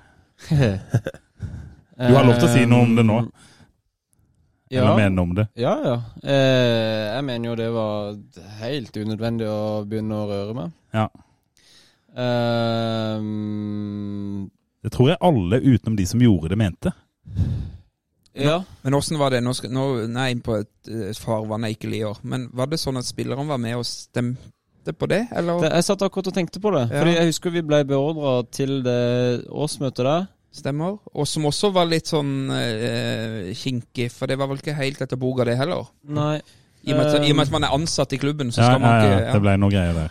Eh, Men det er også en pod som sikkert kommer etter hvert, hvor Ja, ja, ja, vi må dykke litt i de greiene. Men husker du den, hvor mye involvert dere var? Spillerne i den perioden der med Starten Drøm og byttinger av logoer og vedtak og Vi var jo ikke involvert i prosessen med å bytte logo. Det var Nei. vi ikke.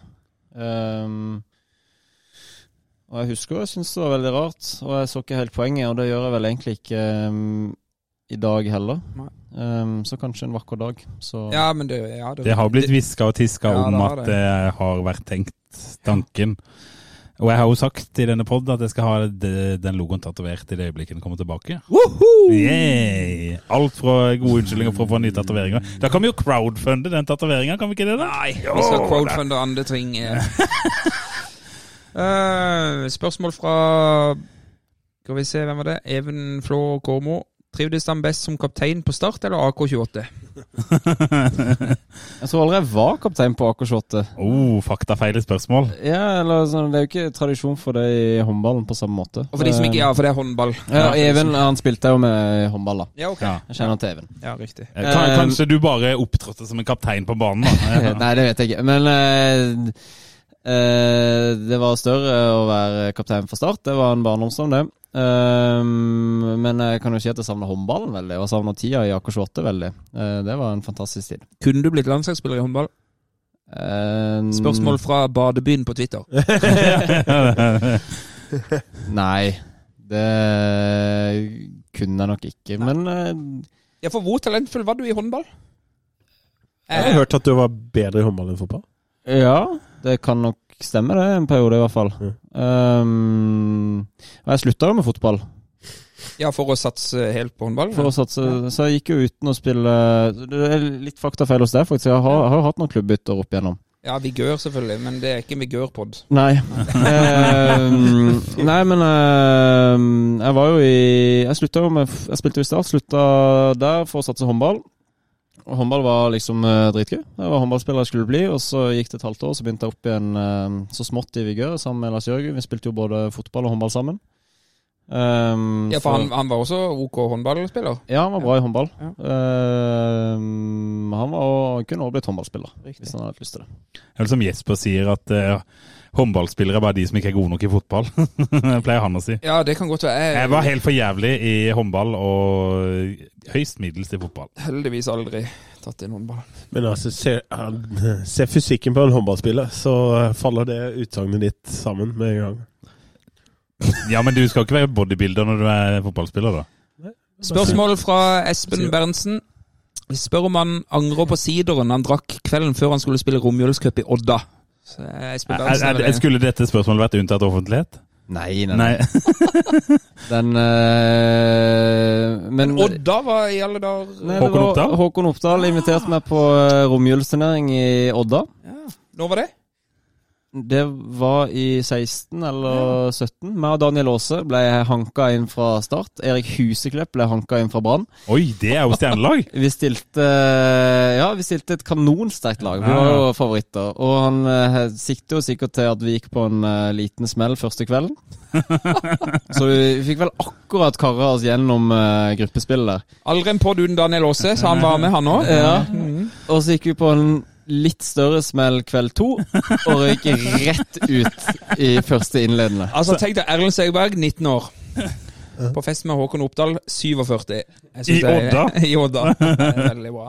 Eh, Håkon er jo en av de jeg har best kontakt med den dag i dag. Vi, Ja, har, det det, på, vi har hatt det mye gøy sammen, vi. Så Det, det har jeg skjønt. det, vi må hylle Håkon. Ja, du, det eh, snakka vi om på vei i bilen inn hit. ja. Vi Hvordan vurderte du? Ja, eh, Håkon er jo en av de jeg har kommet nærmest med i min fotballkarriere. Vi var romkamerater, og vi har vært på tur sammen. Både jeg har vært i Odda, og vi har vært i Stockholm sammen. og det ene med det andre, og han er ja, en av mine bedre venner i dag. Han øh, var en drøm å spille på lag med. Han har betydd mye for Start, han har betydd mye for Brann. Og det er trist at han nå legger hanskene på hylla, men eh, han skal inn i det sivile arbeidsliv og kommer til å gjøre en kanongod jobb der. Så Håkon, du er en hedersmann.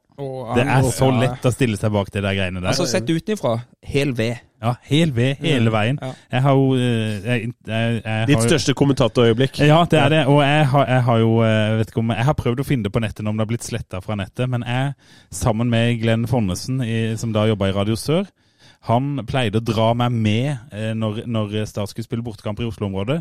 Så var jeg sidekommentatoren hans på Radio Sør-sendingene.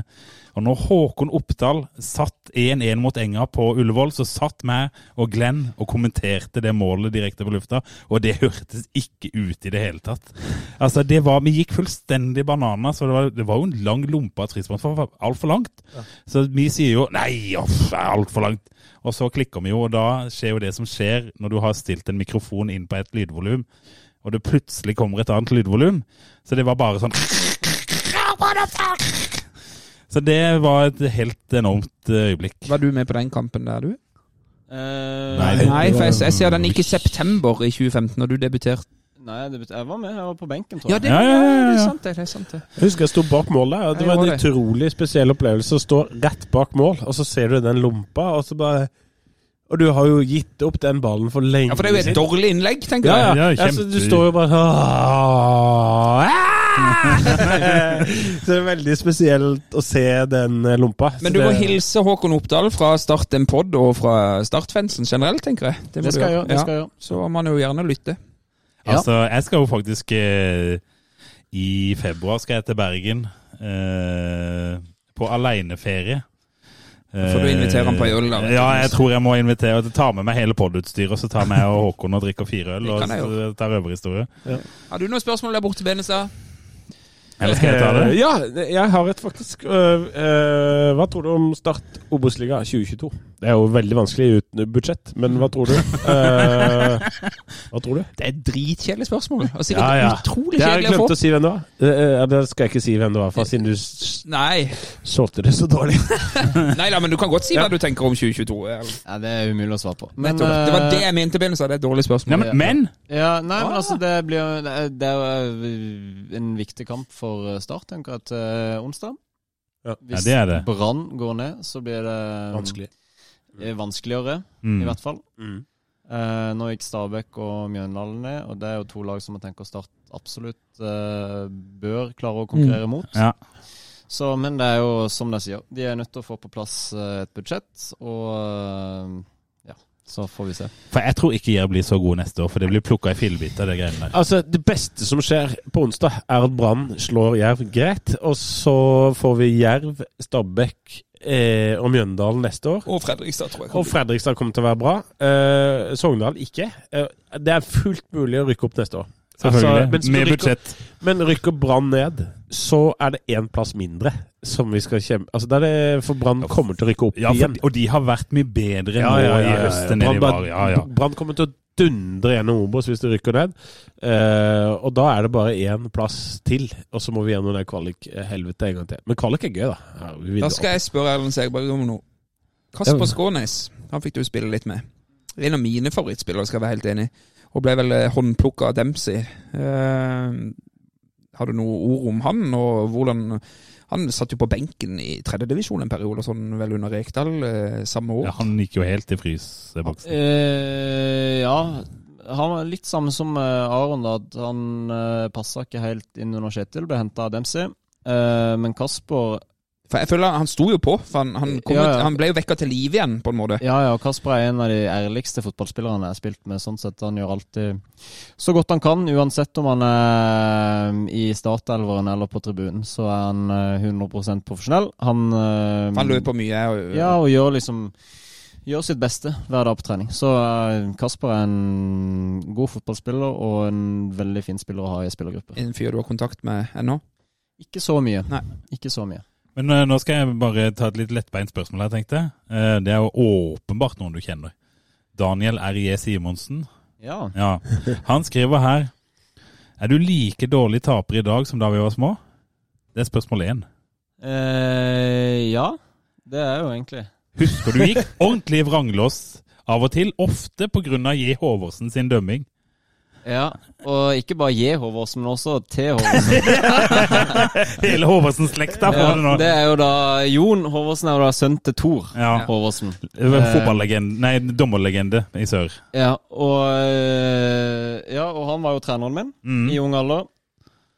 Um, og det var jo ofte sånn ehm, at vi Ja, de delte inn lagene og sånn, og de skulle prøve å få jevne lag og få jevne kamper. Og Daniel og Jon var utrolig gode, og jeg var ganske god, og det var flere som var gode.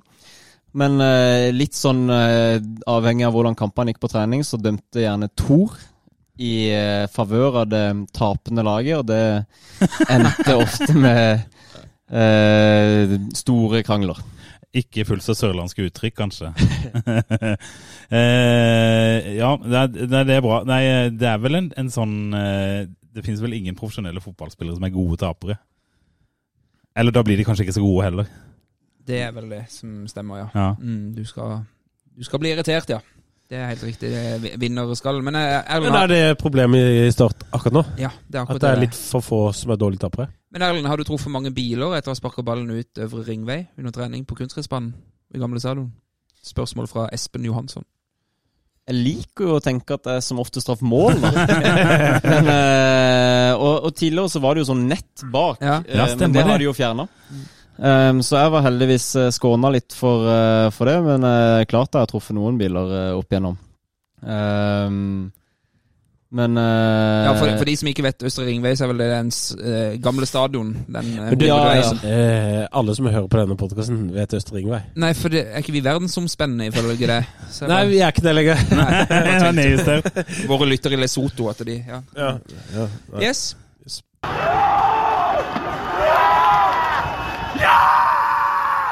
Vi kjører videre på lista, Tom, og du hadde noe du hadde lyst til å spørre Erlend om. Ja, vi kan jo mm, For det første bare si at det er mange som savner han i gult og svart. Hilsen Ragnhild Skomedal på Twitter. Uh, Markus eh, Kiledal spør Drømmeelver valgt ut ifra alle han har spilt med i Start. Oh. Det har jeg lyst til å høre, Erlend. Og, da Og du har jeg bare- ikke, ikke fått tid til å forberede deg. og det er derfor jeg vil si at vi, eh, vi eh, gjerne vil drodle litt med han. Mm. Ja, Og men, for da kan vi dra gjennom litt spillere, nemlig. men det da kan. Jeg tror jeg kan gjette keeperen. Ja, den uh, gjetter du riktig på. Ja, ja Håkon Oppdal. Noterer vi Håkon Eh. Oppdal. Det- Jeg må bare huske det til lytterne våre. Dette er fra 2015 til 2020, som Erlend Segberg har vært i Start. Ja. Venstre bekk. Um, Det er ikke så mange å velge mellom. Du har Rinderøy, du har Vikstøl, du har Ropstad. Eh, Robert Sandnes, Robert Sandnes, som ja. bodde hos oss. Så det Ja. får han jo et pluss for. Hvor er han på Island ennå, han? Nei, Middelspiller. han bor i Ålesund. Bor han i er ja. Han er Ålesund, han, ja. Mm. Um, Vi har en venstreback til som han har spilt med. Men eh, her må både Robstad og Rolf Daniel og Tønnesen fortjener jo alle å være jeg. Ja. Ja. eh, på et sånt lag. Vi kan ikke ha tre venstrebacker, men, Men, alle de trenger, har jo spilt du- litt stoppere. ja, men du kan også Du trenger ikke være den som er eh, sportslig best. Han du Du kan- best. Ja, ja, men jeg liker jo alle de tre. Ja, ja. Um, Kjører um, du de tre i forsvarsrekka? Og alle de hører på podden. Ja. Tønnesen, Vikstøl og Robstad. Ja, Nei, nei, det var venstrebekk nå. Ja, men han kjører alle tre rekka.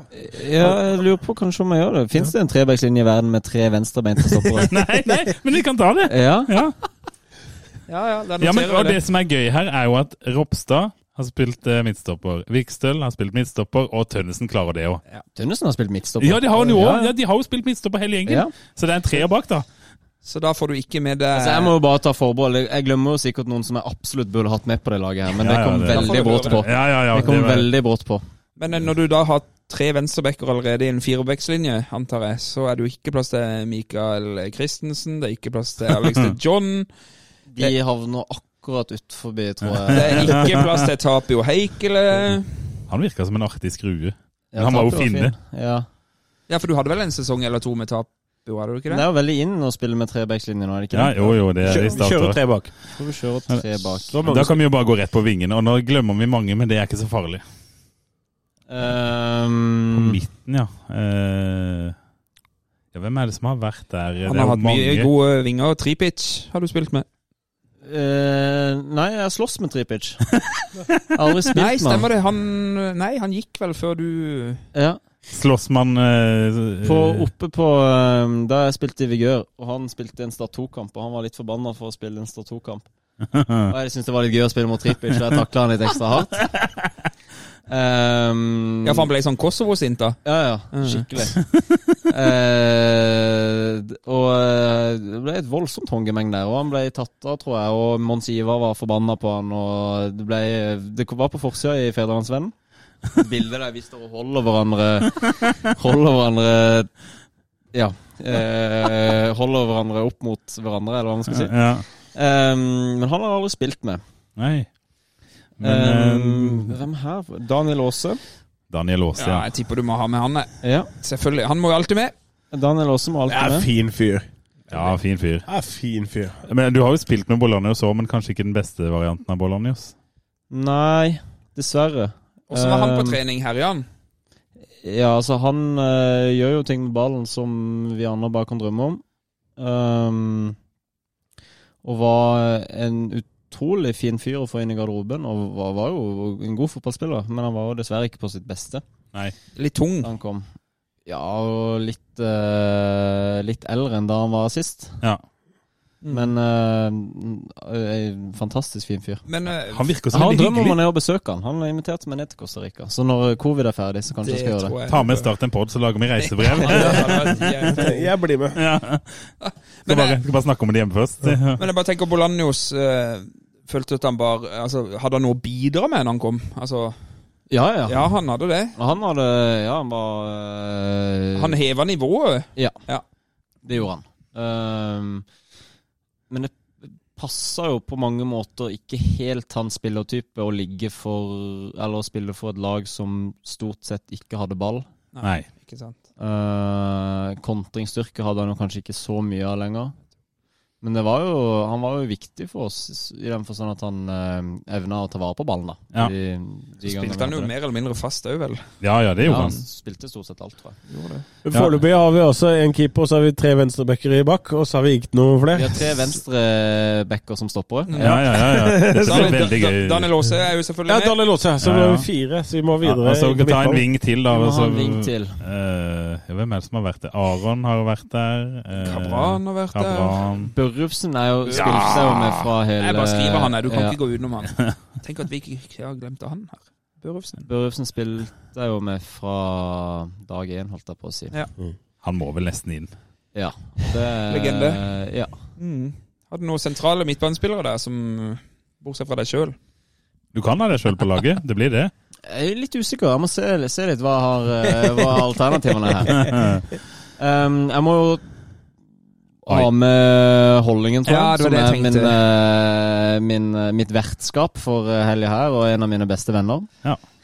Um, dessverre fikk han karrieren ødelagt av skader, og det, den kroppen er enda ikke helt i vater. Han fikk seg en skink i ryggen da han skulle reise seg fra toalettet tidligere i dag. Høres ut som han er 73. Så eh, Men jeg husker eh, en av de gøyeste på en måte periodene eh, jeg hadde i start. Det høres jo litt trist ut å si, men det var jo høsten 16, da vi var rykka ned for lengst. Men der på en måte spilte meg inn på laget i Eliteserien, og da spilte jeg sammen med Hollingen, Og det var en eh, Ja, vi passa veldig godt sammen. Og han var jo eh, Jeg tror det var flere rundt bordet som tenkte at oi, der har Start fått tak i en god spiller. For når han var frisk, som han jo omtrent aldri var, så var han jo god. Vel, Så eh, han er Ja. en, ja. Det, jeg var jo veldig glad i den perioden at Start på en måte beholdt han selv om han var skada. Mm. For det, alle så at det var noe med Andreas Hollingen. Ja. Det var det. Du har veldig mange gode midtbanespillere i din tid i, i Start, Erlends. Ayer, nå gikk han. Tenk at han, han har hoppa over Ayer, hvis ikke du hadde tenkt å sitte han på midten. Da. Nå skal ha bak han. eh, Jo Ayer spilte jo spiss. Jeg spilte ikke så lenge med han. Nei, det gikk var han? Nå- Sommeren 16? Ja, ja kanskje sånn, det. Ja, ja, ja. Mm, det kan nok stemme, det. Gummi Kristiansson har du Det er spilt jo, med. ja, ja, fantastisk fyr. Han virker Ja, han virker Ja, er gøy. gøy. fantastisk eh, fyr. eh, som alltid ga alt. Du spilte med Solomon Novello òg, Eh, Så vidt. så vidt, i 2015. Afis. Ja, gjorde jeg det? Kan- Den nevnte Molde-kampen vi prata om innledningsvis. Ja, ja, ja, ja. Der Stemmer det. Mm. Afis. Isak Twum. Ja, Kasper Skånes, Mathias Rasmussen Ja, det er mye greier det. Det er mye eh, greier. Du hadde vel han, eh, han City-rejecten, skulle jeg si. Han Ja, Chidi. Chidi. Chidi. Chidi. Ja. Nigel Rio Cooker hadde. Ja, det det. Ja, Fortell litt om det, da. Eh, Fortell om han, da. Hvordan var han på trening? Var han like dårlig som han var i kamp? Uh, ja, han var vel egentlig det. Men altså, han kom jo med en eller annen form for tilstedeværelse da han kom. Ja. Prata mye, og du merka liksom at han hadde spilt uh, i Premier League og var liksom litt sånn erkebritisk i hvordan han framsto. Men eh, da han ikke fikk Da det bytta litt sportslig for han, så gikk han fort i vrangler. Så han hadde vel eh, Han hadde med seg lommelerka på trening. Oi, Åpna den eh, er det sant? Ja. Rolf kjørte han, kjørte han vel hver dag til og fra trening, og han åpna Åpna lommelerka etter trening. Han hadde vel som målsetning Jo, det må være inne for å si det. Nigel ja. saksøker meg ikke for dette. Jeg tror han hadde en målsetning om å være um, full de siste 14 dagene han var i klubben. Og det tror jeg han klarte, og han forlot klubben med det her eh, intervjuet i, Ja, i Fedrelandsvennen. det famøse intervjuet i FVN. Mulig. Ja. Det er jo litt kjipt at ikke startbakken svarer. Se på. Lars Benestad, da. Han er Han er helt lang i maska. Dette er det sykeste! Her sitter jeg en voksen mann og bruker, ja, bruker masse tid av livet mitt på å følge jævla idrettsklubben. Og så sitter Nigel Rio Coker og er full de siste 14 dagene! Fy fader. Hva hadde du gjort hvis du hadde endt opp som stjernelærer i, i Endt opp? Ja, men, ja, men Ja. Tenk hvis du hadde blitt senil da og havna i uh, Litauen. Ja. Da skulle være lærer. Ja, jeg. Jeg er Ja. det. Nei, det var en utrolig Takk for at du delte den. Jeg, det var, Ja, den var fin. jeg har alltid vært bekymra for hva som egentlig skjer. Sånn at jeg har alltid tenkt jeg må ikke vite for mye, for da slutter jeg å, å, å bry meg. Sånn at Men dette her var jo krydder. Ja, dette var krydder. Dette var nydelig. Takk, Erlend. Men jeg har en midtbanespiller som er en personlig favoritt, som du har spilt med. Han er fra Nederland. Ah, Nils fra Toren. Nils med skills. Ja. Og Hvordan vil du rangere han? Er han eh, potensielt på drømmelaget ditt? Uh... Åpenbart ikke. jo, jo, jo, jo, altså han var uh, en f utrolig fin tilvekst. Den, han var der bare i ett Ja, år. han var i 2017. Mm. Helt utrolig at han ikke fikk være med videre. Uh, men vi går for uh, gummi. Ja. Ja, gøy. Vi går for gummi. Ja. Fin fyr, rett og slett. Ja, og en eh, Gummi! Ja, Han hadde jo noen frisparkskåringer, eller i hvert fall én, Ja, som det er jeg husker. ja. Da sto jeg bak målet. Det er Jeg er gratis jo trene. veldig langt tilbake i tid nå, ser jeg på, på Ja. det laget her. Nå har du tre bak, fire på midten. Skal du ha tre foran? Eller skal du ha Eh, vi, fem tar på hvertfall- midten? vi begynner med to foran. Ja. Ok. Eh, Der har du veldig mange gode alternativer. Ja, Lars Jørgen må med. Altså, Ja, det... med. det, Lars Jørgen må med. og det, det er få ting som har gjort meg så opprørt og forbanna som den der Lars Jørgen-incidenten.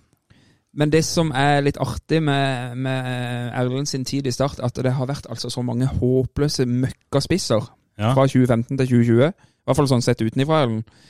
Uh, Uduak Idemokon. Som ikke ville ta noe sånn i i skoa, så ble han skada. Også han franskmannen vi hadde i en fire-fem kamper i Ja, han var jo ikke helt ubrukelig. Heller, Nei, han er Guyan, eller hva han het. Danny. Danny Guyan. Engesan. Ngesan, ja. Herlighet. Han var jo ikke, han var jo ikke helt skandale, vel. Austin Ikenna. Dennis Antvi. Ja, Nå sitter her og Ja, sier ja, skal vi, vil du filme Erlend her nå? Nei, men det er enig. Det har vært mye rart. Ja, det har vært mye rart, altså.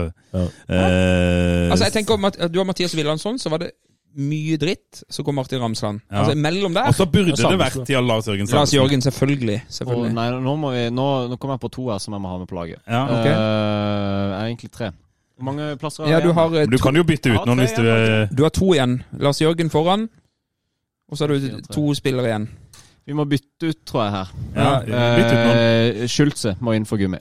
Ja, ja. ja. ja, ja, ja. Eh, Det er større sjanse for at Schulze hører på en gummi òg. Sånn at, eh, ja, det er bra, det. Så må du huske på at nå gråter de snart i Marnardal. Husk det. Nei, men det er altså sånn uten å tulle han, altså, han kunne nesten vært oppe der blant de beste signeringene, mener jeg. Ja. Uh, jeg syns den sesongen han hadde i fjor jeg tror, Hadde han spilt i Bodø-Glimt, da, ja. så det har jeg sagt til han også, men da hadde han uh, skåret 15 mål i Eliteserien og, og hatt 15 assist. Han har, jeg tror han er blant de beste i norsk fotball i boksen. ja. ja men han, han Helt rå. Schulze, ja. Ja, Mm. det er han jo helt enorm. Han er det. Men også litt sånn når han ikke har selvtillit, føler jeg at han faller litt igjennom.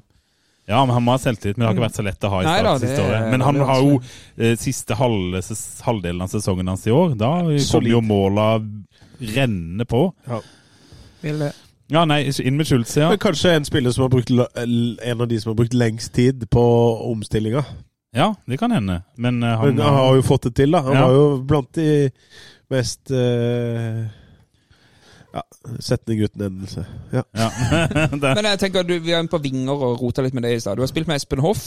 Ja, eh, det her ble vanskelig, altså. Han fortjener jo absolutt Ja, gjør han ikke det? Jo, han gjør det. Det er jo, Men virker også som en sånn hel V-fyr. Ja, uten tvil. Eh, Så da må må du har- bytte ut eh, Jeg anbefaler å bytte ut Daniel Aase, da. Ja, det blir rått. Du kan jo kjøre, du kan jo kjøre et lag som ikke hadde vunnet noen ting. Altså, Eh, Vi må ha Ramsland der oppe. Han Ja, har ikke sant? Så vi har Salvesen og Ramsland, og da har vi én plass igjen. Og da eh, kan vi bare oppsummere da. Oppdal i mål, og så har du Ropstad, Vikstøl og Tønnesen bak. I en skeiv bekk. Så har du Daniel Aase og Espen Børufsen på kantene. Andres Andreas Hollingen og Eirik Schulze sentralt. Så har du Lars Jørgen Salvesen og Martin Ramsland på topp. Og så er det plass til én til, som du egentlig kan putte inn akkurat hvor du vil, og det vil bli en OK formasjon. Bare ikke Jeg tror det mål. blir en Jeg tror vi går for en 3-4-3. ja. Så da er det en angrepsspiller. Det er en angrepsspiller. Og du sa det var ingen fra Williamson til Ramsland av spisser. Nei, i hvert fall ikke som har markert seg hos meg. Steffen Lie Skålevik har lyst til å si Ja, Ah, der ble det legge tatt, der. Ned. Faen, altså. ja, nei, men det er helt, den sesongen han hadde der Jeg har, Også- til, og med men- jeg har til og med ment at vi bør hente tilbake igjen nå. Da vil jeg at du skal eh, Du får fortsette. Da vil jeg at du skal ha en benk der òg. Men de skal ikke være sports... Altså, du skal ikke tenke lag. Du skal bare tenke dette er de gøyeste folka. De sitter på benken og sitter sammen med Nigel Rio Coker. Det, er, skal, det skal være fem stykk, én keeper og fire utespillere. Ja, og en av dem, Nigel Rio Coker, han Ja. deler den der lommelerka si villig. og hvem sitter han sammen med? Uh, altså, de hvis du, hadde, hvis du hadde gitt meg den før eh, Så det Håkon Oppdal sittet der. eh, Kanskje. Og mange av de andre også. Ja, for Hvis vi tar keepere, da, så er det jo som sagt mye Håkon Oppdal. Men det er jo Sean McDermott har vel vært involvert her. Eh, har du vel i Nei, hvert fall han har trent aldri med? spilt med Han, Han gikk ganske tidlig. Nei da, han var han, I 2016 så satt han på benken for Start. Gjorde han det? Ja. Gjorde ikke så mye ut av seg, da. Nei, han satt på benken. Men vi må ha en eh, gummi der, da. Ja, Uten tvil. Gummi må På på benken, benken. uten tvil. Ja, ja. Gummi må vi ha inn der. Ja, nettopp. ja. Men jeg er spent på den keeperen der. Eh, og vi må ha inn eh, Espen Hoff også. Ja, ja, ja, ja. På benken. Ja, Ja, gøy benk. Men dette er sånn artige folk, dette. Dette er artige folk. Mm. Dette blir et artig lag. Disse kunne jeg dratt eh, til, til Granca med i morgen. Åh, det er nydelig. eh, en keeper, da, ja. Ingen Du kan jo ta ut, du kan jo ta ut Håkon Oppdal og så putte inn noe annet. da. Og så Bare setter- for å gjøre benken gøyere. Ja, ja, Jo, Viktene er absolutt uh, aktuell. Jeg vil bare tro, ja, for Du har vært med både Amund og Eirik, du har du ikke det? Jo. mm. Mm. Uh, Amund er jo den eneste fotballspilleren Vi må ha inn Amund der. Amund er fin, og han har god musikksmak. Ja, okay. Metal-vokalist. Ja. Altså, dette, dette, alle som vet hvem er, vet jo at jeg er veldig glad i tungrock. Og en keeper som er, har vært tungrock-vokalist. Har han det? Ja, ja, Oi. han var eh, vokalist i tungrockband, han. Ordentlig piggtråd. Det hadde jeg aldri sett for meg. Nei, nei. Men ok. Og for å komplementere den benken der, så skal vi ha inn Uduak i Demokon. Den må Der. du nesten Ja, for det høres ut som du har en eh, story der. Har du det? Ja, eh, mest av alt bare relasjonen mellom Gummi og Uduak i Demokon. Jeg husker vi skulle på en bortetur en gang. Og Uduak var nyfrelst, bokstavelig talt. Å ja. Jeg hadde med seg Bibelen på bussen og skulle prøve å omvende Gummi. Den største ateisten av de alle. På den bussturen der. Og det var et eventyr. Så hvis Nigel tar med lommelerka eh, Amund står for musikken. Eh, Udoak tar med Bibelen. Gummi tar med seg selv. Og eh, Espen Hoff. Espen Hoff passer litt på Ja, eh, alle så lenge han eh, er i stand til det. Så blir det en oh, herregud. Jeg bare tenk på alle de, alle de borteturene og de bussturene her. Herregud, det må ha skjedd mye og blitt sagt mye rart. Og det er noen sånne konstellasjoner. Jeg hadde jo aldri sett for meg at Idemokon og Gummi var liksom to som kunne prate sammen. Det var vel bare med det at han skulle frelse ham, var ikke det? Jo, men de hadde Altså, de diskuterte uh, var ble plutselig veldig eh, Skulle diskutere alt mellom himmel og jord, og Gummi beit ofte på. Ja, Men gjorde han det litt på kødd? Gummi, Var det sånn at han syntes det var litt gøy? Eh, Både litt på kødd, men også litt sånn der Altså, de var ikke enige, Nei. det kan man si. Om stort sett noen ting. Tror bare på Eh. vulkaner og sånn. Du. Ja, men de, de, er du klar På Island så tror de jo på sånne feer og sånn, så de, de, får jo ikke, de, får ikke, de får ikke lagt Når de skal bygge ny vei, så er det jo et helsike hver gang. Ja. For det, de bygger det liksom gjennom det noen mener er en sånn Ja, eh, åndekirke eller noe sånt, og det er bare en sånn steinformasjon som står uti. Ja. Nettopp. Det verste med verden er folka, det er alltid sagt. Men eh, eh, jeg tenker at vi må videre i programmet, folkens. Ja, ja, må det. Ja, og da kommer vi Men han glemte Jens Christian Skaumo. Skogmo, Ja. han kunne også vært på den benken der. Altså. ja, ja, ja. Ok, det, ja. I aller høyeste grad. Men han sitter på tribunen rett bak, da. For meg, Han slår meg som en sånn kommunegrå fyr, men han er Nei, nei, Jens er fin. Ja. Ja. Veldig fin. Ja. Spilte i Arendal, han. Ja, stemmer Ja, det. det var egentlig derfor jeg tenkte nei. Ja, Ja, nei, nei. riktig. Ja, du vil videre, Benestad? Ja, Mhm. fordi at nå har vi hatt uh, lyttespørsmål, og vi har hatt det vanskeligste lyttespørsmålet. Og nå er det Jeg må bare, eh, bare sånn Jeg var ikke med verken på lag eller på benken. På Du er trener. Du er trener. Jeg er trener. Ja, ja, ja. Det er egentlig best hvis du er sportssjef, for det mangler, mangler. det mangler ja. Men eh, vi trenger faktisk også å få eh, ditt beste startminne. Det er da noe vi spør alle gjestene våre om. Og vi har hatt ganske mange fine startminner. Vi har hatt en tur på Kypros. Det har vi. Eh, Vi har vært i Bergen i 1983. Det har vi. Vi har vært på Åråsen med Ja. Petter Bø Trosterud, vel. ja, og han, for han ja, Ja. Åpenbart beste startminne. Ja. Eh, ja, det er vel egentlig det vi har hatt. Og det er, det er lov å ta noen av de som er nevnt, bare så det er sagt. Uh, men uh, hva, hva, hva, hva dukker opp? Mm.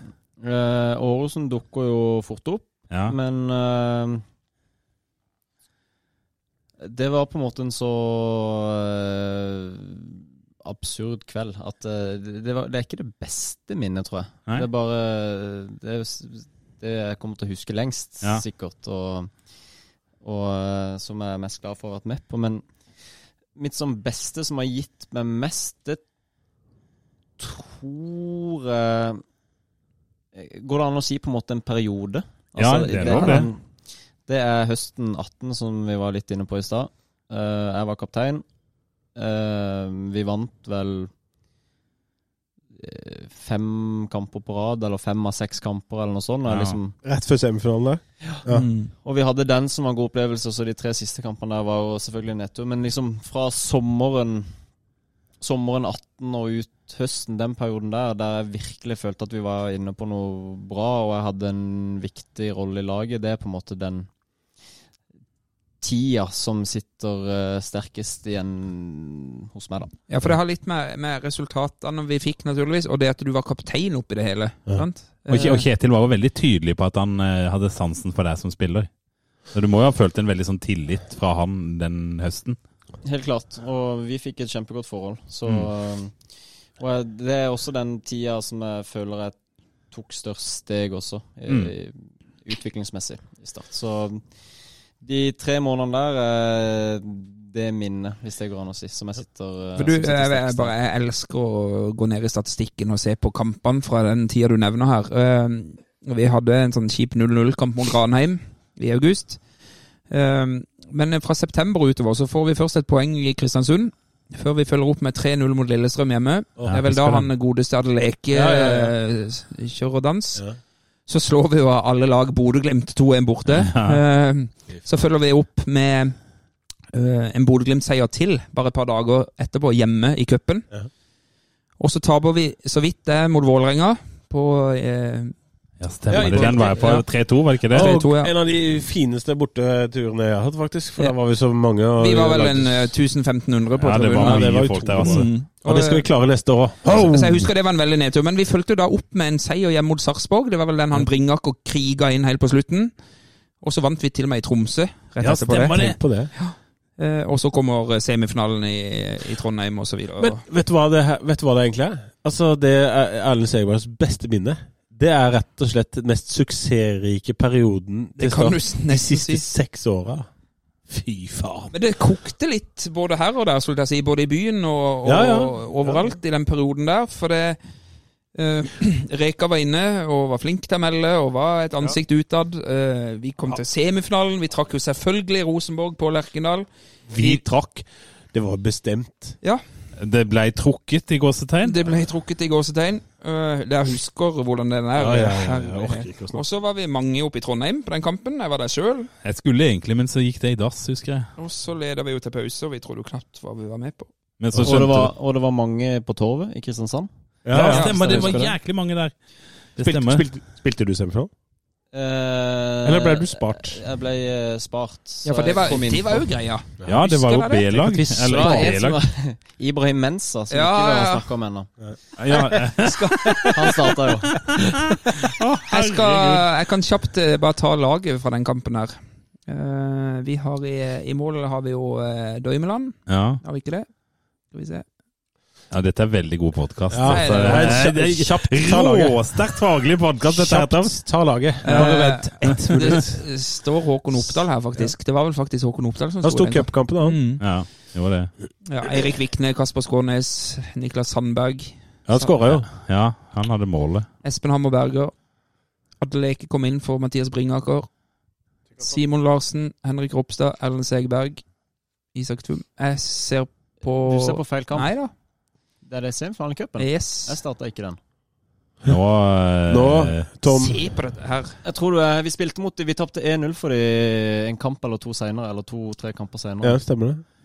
Ibo jeg- Mensa starta på høyre ja. Ja. Ja, helt riktig. Men du, han Adnan Hadzic tror jeg starta som stopper, kanskje. Ja, det kan stemme. For det var veldig rart, det laget som Ja, starta. men det er Eller jo Men eh, du er jo en klok mann. Sett i ettertid, var det grepet til Rekdal som uh, var, det, var det dumt? At de på en måte valgte å nedprioritere semifinalen for å spare seg til den viktige kampen etterpå, som det gikk så til helvete med? Det er jo det er jo et dritvanskelig spørsmål, men Ja. det er lov å synse litt. Uh...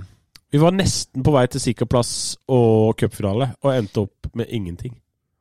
jeg, jeg, jeg tror jo ikke Jeg tror ikke vi hadde vært Eller det er vanskelig å si, da, men, Ja. men det er jo vanskelig å si at man bomma på inngangen til Rosenborg-kampen. Ja, det er det jo, for det var Selv om man sparte mange spillere, så ble det jo en god Ok, Gi meg en sjanse til, da. Håkon Oppdal, Espen Berger, Simon Larsen, Henrik Ropstad, Eirik Vikne, Adnan Hadzic, Isak Tom, Niklas Sandberg, Mensa, Bringaker og Skånes.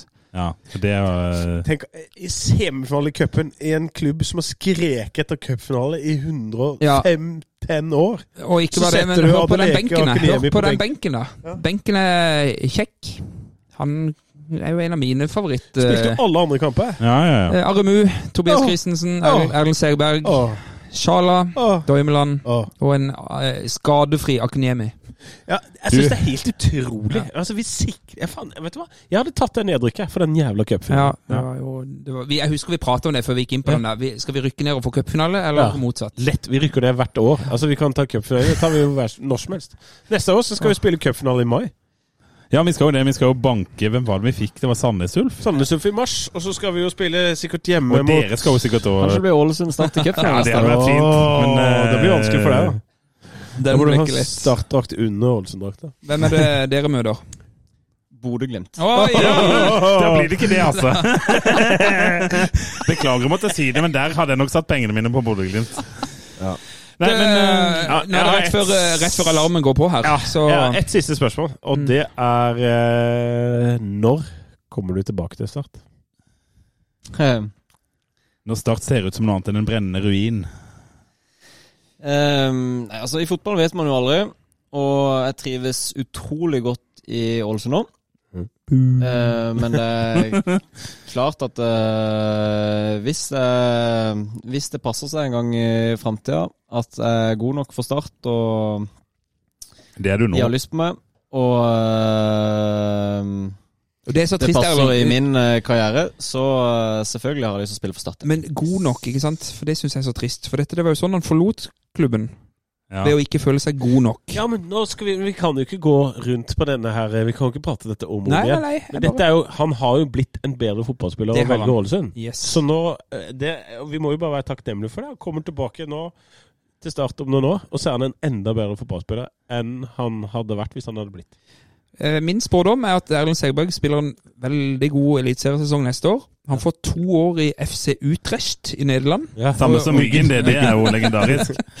Og så tar han ett år i Rapid Wien. Ja. Og så er han, begynner han å nærme seg 30. Mister plassen i Rapid. Start banker på døra. Eller er Erlend, banker på døra. Så kommer han inn. Ja, Så spiller han de siste fem årene i Start som kaptein. Ja, da skal jeg, hvis vi, Siden vi er inne på det, så skal jeg ta en spådom til. da. Jeg tror uh, Hvor lang er kontrakten din, forresten? I Ålesund? Eh, to år til. To år til. Ålesund rykker ned, Start rykker opp. Seberg kommer igjen. Ah, ja. Så 2023, Erlend Segberg startspiller. Ja. Ja. Det var jo bare for å spille Du er, du er jo selve Så lykke optimismen til neste år. Vent litt. Lars Benestad, la oss ta det. Vi kan ikke ha det. Vi kan ikke la den ligge. Kjør, kjør, Lars. Benestad. Nei, det var feil, det. Ja, feil. Nei, nei, det var det ikke. Der, var tut. tut-tut. Der var jo uh, optimismen tilbake. Ja. Jeg tror ikke Ålesund rykker ned neste år. Nei, jeg tror ikke Nei, det. jeg tror ikke Start rykker opp heller. Men, Men folkens, nå har vi babla og babla, babla, babla. Alarmen går på. Det har vært utrolig kult å ha deg på besøk. Takk for at jeg fikk lov å komme. Det, Ja, det- var veldig gøy. Neste gang du er i Oslo igjen, bare sving innom. Ja, ja, Det må du ja. gjøre, Ellen. Uh, og så vil jeg jo bare si at vi eh, kommer vel med en pod eller noe til i romjula eller noe sånt nå, gjør vi ikke det? Vi håper vi får det til, i hvert fall. Ja, Nå er det jo stengt ned overalt her, så det kan vi se åssen det blir, men vi håper det. Ja. Vi, vi prøver så godt vi kan. Ja. Og så må det jo skje noe rundt klubben nå. Ja. Nå Så- må det skje noe snart. Ja. Hvis ikke så må jeg sitte og være sint. Ja, Vær sint, du. Mm. Så må jeg bare spare det litt, da. Sånn at, eh, Nå må det skje noe! Sånn. Skal vi avslutte med den? Ja. Nei, hva er det vi avslutter med? Erlend Vi. Segerberg kan si det. Hva er det vi avslutter med, Erlend, her i podden? Du som har sagt du har hørt på alle. Ja, han vet ikke. Men han, han skal få lov å slippe å si det. Heia Start. Heia. Start. Heia Start. Jeg ser inn i 22 resignerte ender! Hvor er gløden? Hvor er engasjementet? Jeg har ingenting å tape!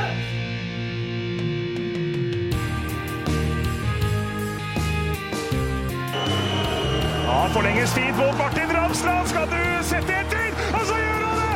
Martin Ramsland! Har du sett? Han kommer til å bli større enn Jesus på Sørlandet!